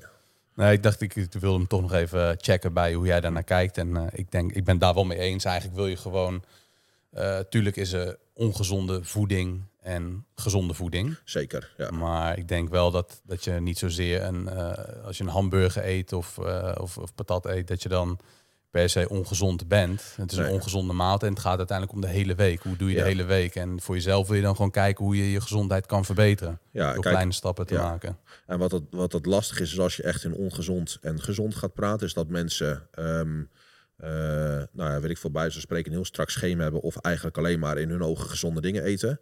En dan gaat er die dag één keer een snoepje in of ze beginnen in de, of ze hebben in de middag een keer een hamburger gepakt. Ja, maar deze dag is toch al ongezond, weet je. En dan gaat de hele teringzooi er ook nog achteraan. Terwijl als je wat meer in een caloriebudget nadenkt, um, voorkom je ook dat overeten daarna, zeg maar. En ik, ik, denk dat, dat dat een beetje het grote probleem van cheat days is. Of als iemand, nou ja, zijn dieet een keertje verknalt. Um, kijk, weet ik veel, als jij uh, gaat leren autorijden uh, of gaat leren fietsen, weet ik het wat, en je flikkert een keertje om of je, maakt, je laat je motor een keertje afslaan, dan is het ook niet meer van, nou ja, weet je, fuck it, het gaat toch niet lukken. Ik, daar accepteer je ook fouten in. En in een, het aanleren van een nieuw eetpatroon is het in keer als je fout maakt, dan kan alles maar tyfus krijgen, want het is nou helemaal fout gegaan. Terwijl, nou ja, als jij in het begin, weet ik het wat, twee keer per week de fout ingaat, nou ja, en een maand later is toch dat nog maar één keer per week, heb je ook progressie geboekt. Of als jij normaal gesproken, weet ik veel, op vakantie 10 kilo aankomt en nu doe je er nog maar drie bovenop, heb je 7 kilo progressie ten opzichte van het jaar ervoor. En ik denk dat mensen het meer een beetje op die manier moeten gaan zien in plaats van echt uh, of 0 of 100 of heel erg zwart-wit denken. Dat doen natuurlijk een hele hoop mensen wat dieet betreft. Is dat dan ook stiekem een, uh, een reden om op te geven? Dat mensen eigenlijk maar een klein beetje nodig hebben wanneer het moeilijk wordt? Mm -hmm. Ze eten een keer ongezond en denk ze, oké, ja, nu is het toch al... Nou ja, dat, ik, ik, dat is een beetje, daar natuurlijk helemaal in het begin hebben we dat, dat voorbeeld ook een beetje aangehaald. Maar Um, kijk, als iemand wil afvallen en die gooit zijn, uh, uh, zijn leefstijl helemaal om, of die verwacht dat hij een dieet krijgt waar, weet ik veel, er 5 kilo per maand van afvliegt. En we doen dat wat rustiger aan in het begin om nou ja, een beetje af te tasten waar je onderhoud ligt. Om een beetje af te tasten waar, ja, hoeveel aanpassingen jij kan hebben. om misschien eerst juist een stuk slaap te verbeteren, zodat je nou ja, wat minder honger creëert en daar op mee willen liften. Um, dat als mensen nou ja, elke dag op de weegschaal gaan staan, nu ineens wel, terwijl ze dat die maanden daarvoor ook niet hebben gedaan. Of die jaren daarvoor dat ze nou ja, dat overgewicht hebben opgebouwd. En ze zien nou in één keer dat het gewicht soms ook een keertje weer omhoog giet. Zeker bij vrouwen die ook natuurlijk een cyclus hebben, is dat helemaal het geval. Nou ja, die doen dan, weet ik veel, wijze spreken een week hun best. helemaal niks eraf. En dan is het inderdaad een keer, ja, zie je het is allemaal voor niks. Hm. En ze gaan flink zitten vreten. Nou ja, en per toeval, of wat de reden dan ook is, is die dag erop het gewicht wel omlaag ja, dat is natuurlijk heel makkelijk om, uh, als je daar niet een beetje nou ja, weerstand tegen hebt, of je hebt geen coach met wie je dat kan overleggen, of weet ik het wat, dat je in één keer denkt van ja, oké, okay, uh, mijn doel is afvallen. Ik doe zes dagen mijn best, ik val niet af. Ik laat het één dag gaan, ik val wel af. Nou ja, dan ga ik het maar laten gaan. En dat is natuurlijk een beetje het korte termijn denken wat heel veel mensen daarin doen. En ik denk dat als uh, dat lichaamsgewicht de enige marker is die je bijhoudt hierin, uh, en ook de enige data is waar je op af kan gaan, dan is het denk ik heel makkelijk om ja, hierin te blijven kloten. Ja, daarom is het ook wel belangrijk om een vetmeting te doen, een omvangmeting, foto's bij te houden qua progressie, kleding een beetje in de gaten te houden. Ja. Maar vooral ook om dat ja, de waarheid onder ogen komen, is denk ik wel een van de moeilijkste dingen die er is. We worden natuurlijk ook wel de laatste tijd, hè, dat uh, comfortmaatschappij, dat mhm. we elkaar ook niet meer de waarheid durven vertellen. Nee. Dat houdt ook in dat je jezelf ook niet meer de waarheid uh, vertelt en dat we die spiegel voorhouden met een masker op of met uh, een waarheid die eigenlijk helemaal geen waarheid is. Ja, als je wil afvallen, moet je gewoon in een calorietekort zitten, punt. Of, ja. jouw, uh, of jouw onderhoud beïnvloed wordt door hormonen of door stress of door wat dan ook. Mm dan nog moet je in een calorietekort zitten. Dat jouw calorieinname of je onderhoud dan misschien iets verlaagd is door omstandigheden. Ja.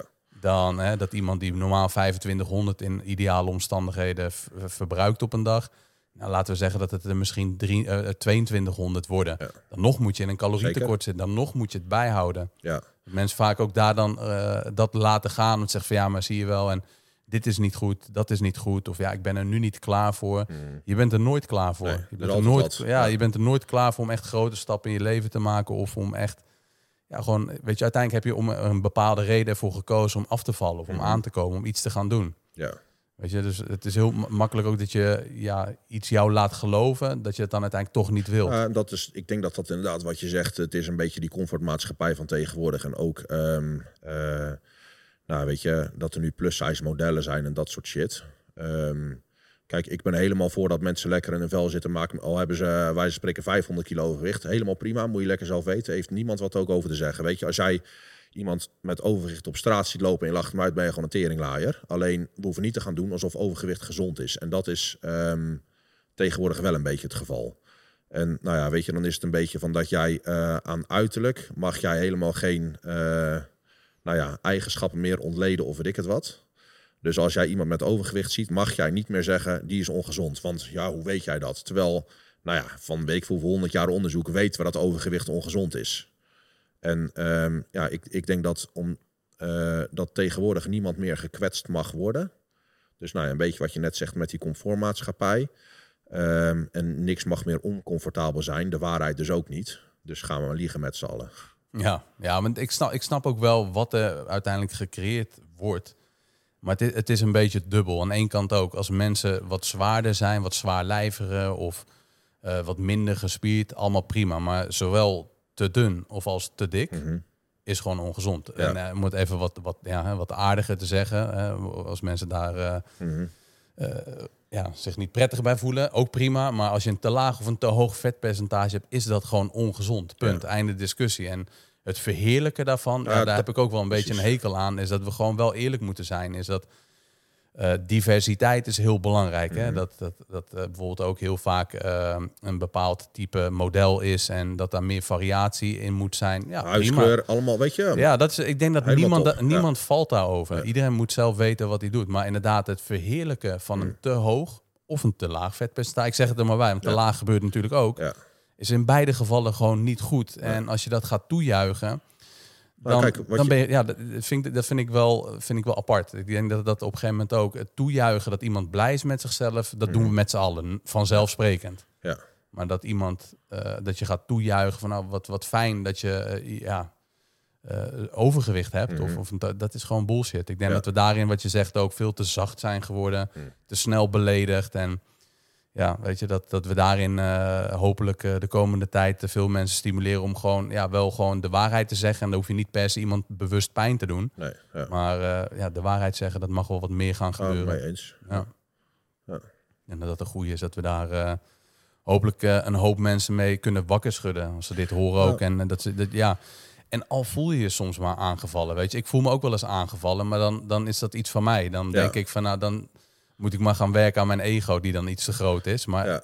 weet je, iemand moet ook wel eens een keer wat kunnen zeggen waar ik het niet mee eens ben of waardoor ik me aangevallen voel. Maar ja. Kijk, als je er helemaal geen waarde aan zou geven, dan zou ik je ook niks doen.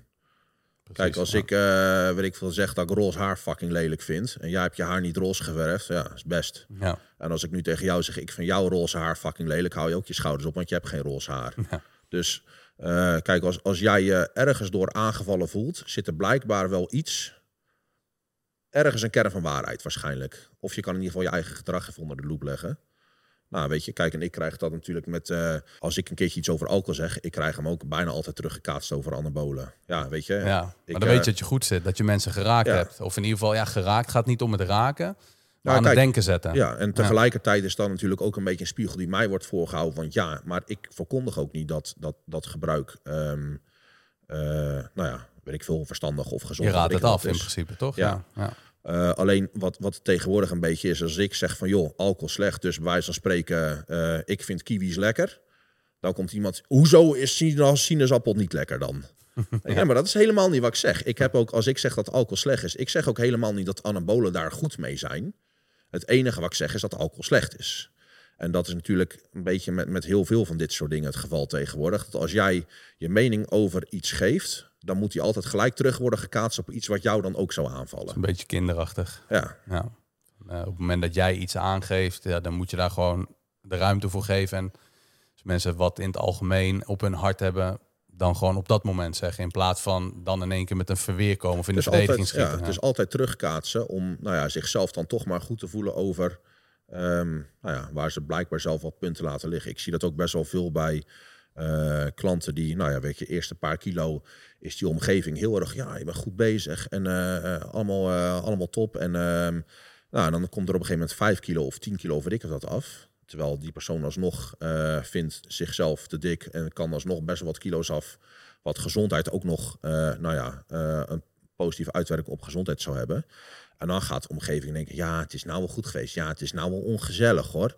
Hoe ze doen Ja. nou niet één keertje een weekendje mee. En dat, dat zie je ook wel vaak dat, ehm, nou ja, op het moment dat je omgeving in één keer van supportive naar Sa- saboterend wordt. wat meer saboterend wordt, dan eh, in mijn ogen, ik heb dat tegen klanten ook wel eens gezegd, weet je eigenlijk, dat zou motivatie moeten zijn, want je weet dat je op dat moment iets aan het doen bent waar mensen jeuk van krijgen. je bent ze op dat moment een spuugel aan het voorhouden, want die eerste 2, 3 kilo lukt hun ook wel. Maar jij gaat verder. Je hebt op een gegeven moment 5, op een gegeven moment 10, op een gegeven moment ben je 15 kwijt. Nou, op een gegeven moment ga je sporten zelfs nog leuk vinden. Op een gegeven moment vind je avondjes uit in één keer minder leuk. En ga je niet meer tot fucking vijf uur s'nachts zitten zuipen in de kroeg en weet ik het wat. Eh, jij zit een stuk lekkerder in je vel. Ja, en dat vinden mensen vervelend, want zij hebben dat ook geprobeerd. En het is niet gelukt. En daarin zie je vaak dat de omgeving in één keer van nou ja, supportive naar ja, juist saboterend gaat. Ja, en dat, dat, dat dan maak je stappen, dan Ja. maak je progressie, dan zit je op de wel goede weg. kwalijk. Ik, Ja. vind dat, ik vind dat wel. eh, weet je, ik, ik, heb dat, eh, ik had een keer een eh, vrouwelijke klant die dat had. Nou, en die had echt gewoon, die, die gaf wel echt aan in een gesprek met mij dat vriendschappen die, eh, weet ik veel, vijf of wel langer bestonden. En die meisjes hadden allemaal een beetje overgewicht. Dat dat in één keer helemaal verwaterd en zelfs zo een beetje vals of gemeen werd. Ja, dat, dat, dat vind ik wel heftig. Het is nooit leuk, maar wel goed dat het gebeurt. Want je bent, weet je, hoe eerder je duidelijk hebt dat jouw echte vrienden of soms Nou ja. familieleden Ja. niet in jouw. eh, Dat is Ja. weer een beetje wat we daar straks zeiden, of tenminste eh, wat mijn moeder ooit een keertje zei: van waar je mee omgaat, word je mee besmet. En je ziet dus ook dat, of nou ja, weet je, dat is volgens mij ook gezegd eh, van eh, zeg me wie uw vrienden zijn en ik vertellen wie u bent. Dat is hier natuurlijk net zo mee. En je, om, je, ja, je omgeeft je vaak met mensen die een beetje gelijkgestemd zijn. Ehm, nou ja, en daarin zie je vaak wel dat als mensen hele drastische veranderingen, ehm, in dit geval positief maken, dat dat ook wel wat vriendschappen gaat kosten. Maar tegelijkertijd gaan er waarschijnlijk ook wat nieuwe deuren open, hopelijk. Ja, en ik denk dat het niet allebei mogelijk is. Ik denk dat je echt, als je voor het maximaal haalbaar in het leven gaat, gaat dat vriendschappen kosten. Ja. Ehm, en dat is niet per se iets negatiefs. Als het echt goede vrienden zijn, supporten ze jou daarin. Ja. Als mensen zich zorgen maken, vind ik ook dat ze dat ook zeker mogen zeker, en moeten uitspreken. Anders heb je ook geen echte vriendschap als je alleen maar aan het meelullen bent. Ja, Dus je moet elkaar ook wel de waarheid kunnen vertellen, maar het moet dan wel gaan over die persoon over wie het gaat en niet je eigen angsten, Projectie, ja, ja. weet je, wel, projecteren op een ander. ja. Maar ik denk wel dat, ja, weet je wel, ehm, alles heeft een prijs. En ik denk ook, ja, je zal ook wel merken, ook als je wat verder eh, in, in, in die wedstrijden zit ook, ja, dat heeft ook een hogere prijs. Hoe meer je uit het leven wilt halen, ja, wat, we- des te hoger de prijs is die je Ja. betaalt om daar te komen. Mhm. En ben je bereid om echt voor het maximaal haalbaar in het leven te gaan? Of kies je gewoon comfort. Ja. ja, of vind je het allemaal wel best zo? Hè? Ja. dan, dan blijkt misschien over 30 jaar dat je in ieder geval tot minder in staat bent. Dat alles wat moeilijker wordt. Hmm. Dat je in één keer beseft van shit, had ik dat toch maar gedaan. En eigenlijk had ik van mezelf meer verwacht, maar door mijn omgeving ben ik niet voor het maximale gegaan. Ja. Mezelf eigenlijk laten wijsmaken dat, ik dat, dat het niet zou lukken. Nou, ik, ik, ik zie bijvoorbeeld wel eens op ehm, eh, ook reacties onder die videootjes van eh, eh, dat, dat iemand zegt dat hij, nou weet je, laat ik mezelf als voorbeeld nemen over dat gebruik. En dan komen de comments onder van, eh, ja, wacht maar over tien jaar als je hart ermee stopt en zo, weet je, dat soort shit. Denk ik, gast, je hoeft eh, mij niet te vertellen wat de potentiële bijwerkingen zijn, maar dan is het gewoon bijna alsof dat soort mensen eh, hoopt dat jou dat gebeurt. Want stel je toch eens voor dat jij al die voordelen van dat hard trainen en, en nou ja, weet ik het wat, allemaal nu zou hebben. Eh, zij durven of willen die stap of weet ik het wat niet maken. Maar jij zou daar geen nadelen van ervaren. Dan, Ja, ja. dan misgunnen ze je het bijna. Ja, precies. Zo van, eh, ja, weet je, dat omdat zij het niet ge- gebruiken of wat dan ook, dan, ja, dat, ik snap wel wat je zegt. Ja. daarmee, dat, dat, Ja, en daar, daar zie je best wel een hoop. ehm, ik, ik merk daar best wel een hoop. Dat mensen zijn zo bezig met. ehm, ook een beetje waar we het straks over hadden. Dat als mensen iets voor elkaar krijgen wat zij niet willen of kunnen of doen. Altijd op zoek naar externe factoren. Waardoor het bij die ander wel gelukt zou zijn. Ja, hij speelt vals. Ja, hij heeft hulp. Ja. Ja, weet je, pap, mama hebben alles betaald voor hem. Ja. Nou, en jij zit nog steeds achter je televisietje. Of, Maar eh, dat is denk ik het allerbelangrijkste. Ook als je tijd hebt om mensen alleen maar kritiek te geven. ja, Dat, dat houdt in dat je zelf niet tevreden bent over je leven. En dat je tijd over hebt of in ieder geval niet genoeg bezig bent met je eigen doelen. En als jij gewoon, ja, weet je, als stel je voor dat iemand ja, met trainen zoiets heeft, ja, ik train gewoon om fit te zijn, ik hoef niet de gespierdste te zijn, eh, die vindt het allemaal wel prima, ja, dan is het gewoon prima. Kijk, als Lekker jij doen. echt oprecht blij bent met je leven zoals het nu is, er zal niemand daar wat van zeggen. Hmm. Maar als je merkt dat je een beetje kritisch wordt op anderen, of, of wat jaloers wordt, of wat afgunst hebt, Ja, dat houdt dus in dat jij, jij bent dezelfde. Ik denk dat dat ook op internet vaak heel duidelijk is. Ja, mensen die negatieve comments plaatsen onder Instagram pagina's. vaak Of projectie of jaloezie. het ja. is, ja, het is wel, eh, ja, het zegt gewoon het meest over diegene die die reactie plaatst. Ja. Dat is gewoon, eh, ja, en, en de mensen die daar dan weer eh, likes aan geven, die, die zitten allemaal in dezelfde hoek met Ja. lekker zuur zijn en vooral niet het maximale uit je eigen leven halen. Dus dan maar zeuren over een ander. ja. Maar ik gun mensen wel gewoon die, die barrière doorbreken van je laten tegenhouden door je omgeving. ja, Of is- door jezelf dan Ja. natuurlijk ook, want je bent zelf je grootste vijand Ja, of vriend. Hm. Als je dat beseft, dan is er heel veel mogelijk in de wereld. Ah, veel meer dan dat. eh, daar hebben ze, voor mij zijn er ook een hoop uitspraken over, toch? Jordan Peterson onder andere. Maar dat mensen ehm, heel erg overschatten wat ze in een week of weet ik het wat voor elkaar kunnen krijgen. En zeer onderschatten wat ze in een jaar of vijf jaar voor elkaar kunnen krijgen. Want nou ja, hij, geeft volgens mij ook als voorbeeld in ehm, eh, als jij elke dag ervoor zorgt dat jij eh, s s'avonds een beetje beter naar bed gaat als dat jij eh, s ochtends bent opgestaan. Eh, dus bij wijze van spreken, nou ja, weet je, je hebt al heel lang een stuk eh, stapel papieren liggen die je moet doen. Of je kamer is een rotzooi en je zegt heel lang tegen jezelf dat je het gaat schoonmaken. Of nou weet je, ver- verzin even. Stel dat je elke dag iets van een kwartiertje besteedt aan dat soort klusjes om je eigen omgeving of leven wat meer op te ruimen. Nou, weet je, in een, in een dag of in een week doe je helemaal niks. Maar als jij elke dag, nou ja, 1% verbetering kan veroorzaken in je leven. en je houdt dat een jaar vol, dan herken je jezelf niet meer terug na een jaar. Maar dan moet je wel beginnen. Ja, ik denk dat dat vaak ook wel is de reden dat mensen niet beginnen. Dat Ja. ze te veel gefocust zijn op, over drie jaar. Ja, of een auto die kost een ton. Hm. Ja, dat is nu, vandaag de dag, moeilijk misschien als je het nog niet hebt. Maar als je dat gaat opdelen in vijf jaar, Ja, dan, dan is het altijd al wel minder. ja, Dan is het al in één keer haalbaarder. ja. En dan weer op gaat knippen in eh, wat je dan daarvoor per maand moet doen. Dan denk je, nou, dat is eigenlijk wel haalbaar. ja. Schwarzenegger die zei een keertje van... eh, de eerste miljoen verdienen is het moeilijkst. Dus ik begon met de tweede. ja, dat is ook een manier. En dat is natuurlijk met, met afval en zo net zo. Weet je, als jij eh, nou ja, nu gaat nadenken van ja, er moet 50 kilo af. En je gaat elke fucking dag op de weegschaal nu en je ziet dat er in een week maar een halve kilo af is. Nou ja, dat ga je nooit volhouden natuurlijk. Maar eh, daarom is denk ik gewoon het veranderen van je leven met hele kleine stapjes. Eh, en dan, nou ja, eh, niet zozeer gefocust zijn op de uitkomst, maar nou ja, zorgen dat jij de reis zelf of het lopen zelf interessant gaat vinden. Was volgens mij ook, ik kom met een hoop gezegdes nou in één keer, maar dat de man, ik had die laatste keertje onder een foto gezegd, maar de man die van wandelen houdt, loopt verder dan de man die, nou ja, naar de bestemming loopt, zeg maar. Ja, precies zo. Eigenlijk eh, in de zin van, het gaat niet om de bestemming in het leven, Precies. maar de weg daar naartoe. Ja. Dus als jij ervoor kan zorgen dat jij je doelen afstemt op eh, de dingen die jij leuk vindt, in plaats van dat jij bepaalde doelen voor ogen hebt en dan, nou ja, eh, daarheen gaat werken terwijl dat helemaal niet in je straatje past. Ja, eh, ik denk dat je dan een veel leuker en interessanter leven hebt en dat het ook het behalen van die doelen wordt natuurlijk veel makkelijker. Kijk, als je, je, je kan zo'n fysiek op willen bouwen als dat ik heb, maar als jij een hekel hebt aan trainen, ga je daar nooit komen, wat je er ook indouwt. En als jij eh, van trainen houdt ehm, en niet eens per se bezig bent met het bereiken van een bepaald fysiek, zou het zomaar kunnen dat je wel een heel aan deze kant op komt, zonder dat je heel bewust elke dag bezig bent van ik zie er nog niet zo uit. Ja, precies. En het is altijd beter kleine stapjes nemen dan geen stappen. Ja, ja, Daar kom je helemaal nergens mee. Ja. Behalve op dezelfde plek. ja. Ja, top. Ik, eh, ik, ik denk dat we zo'n eh, hele mooie podcast neer hebben gezet met een, eh, met een heel mooi gesprek met veel verschillende Aardig onderwerpen. divers, ja. divers. Ja. We zijn alle kanten op gegaan. Hopelijk was het voor de luisteraars een beetje te volgen. Ik denk het wel. En ik wil jou bedanken voor deze ja, uitgebreide en hele waardevolle podcast vol met mooie informatie.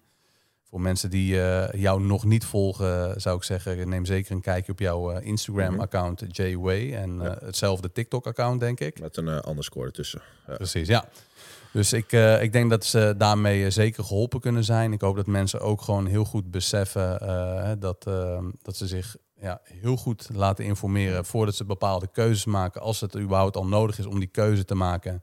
En een gesprek met een psycholoog voordat je iets aangaat en bepaalde risico's. goede, ja, zeker. Dat dat echt helemaal niet, eh, niet veel kwaad kan. Eh, je zal niet opgepakt worden als je naar, eh, naar de psycholoog gaat om Ja. dat te bespreken. En de doelen erachter voor jezelf heel duidelijk hebt. Die zijn algemeen in het leven heel belangrijk. Mhm. Eh, maar dat mensen dan eh, genuanceerd eh, naar jou en mij hebben kunnen luisteren. En als ze meer vragen hebben, kunnen ze bij jou of mij terecht. Zeker. Ja. En eh, wil ik jou voor nu enorm bedanken. Het was een mooi gesprek. Thanks voor de uitnodiging. Heel Ja, graag het gedaan. gesprek. Eh, ja, was leuk. Tof, Zeker. En we spreken elkaar. Zeker.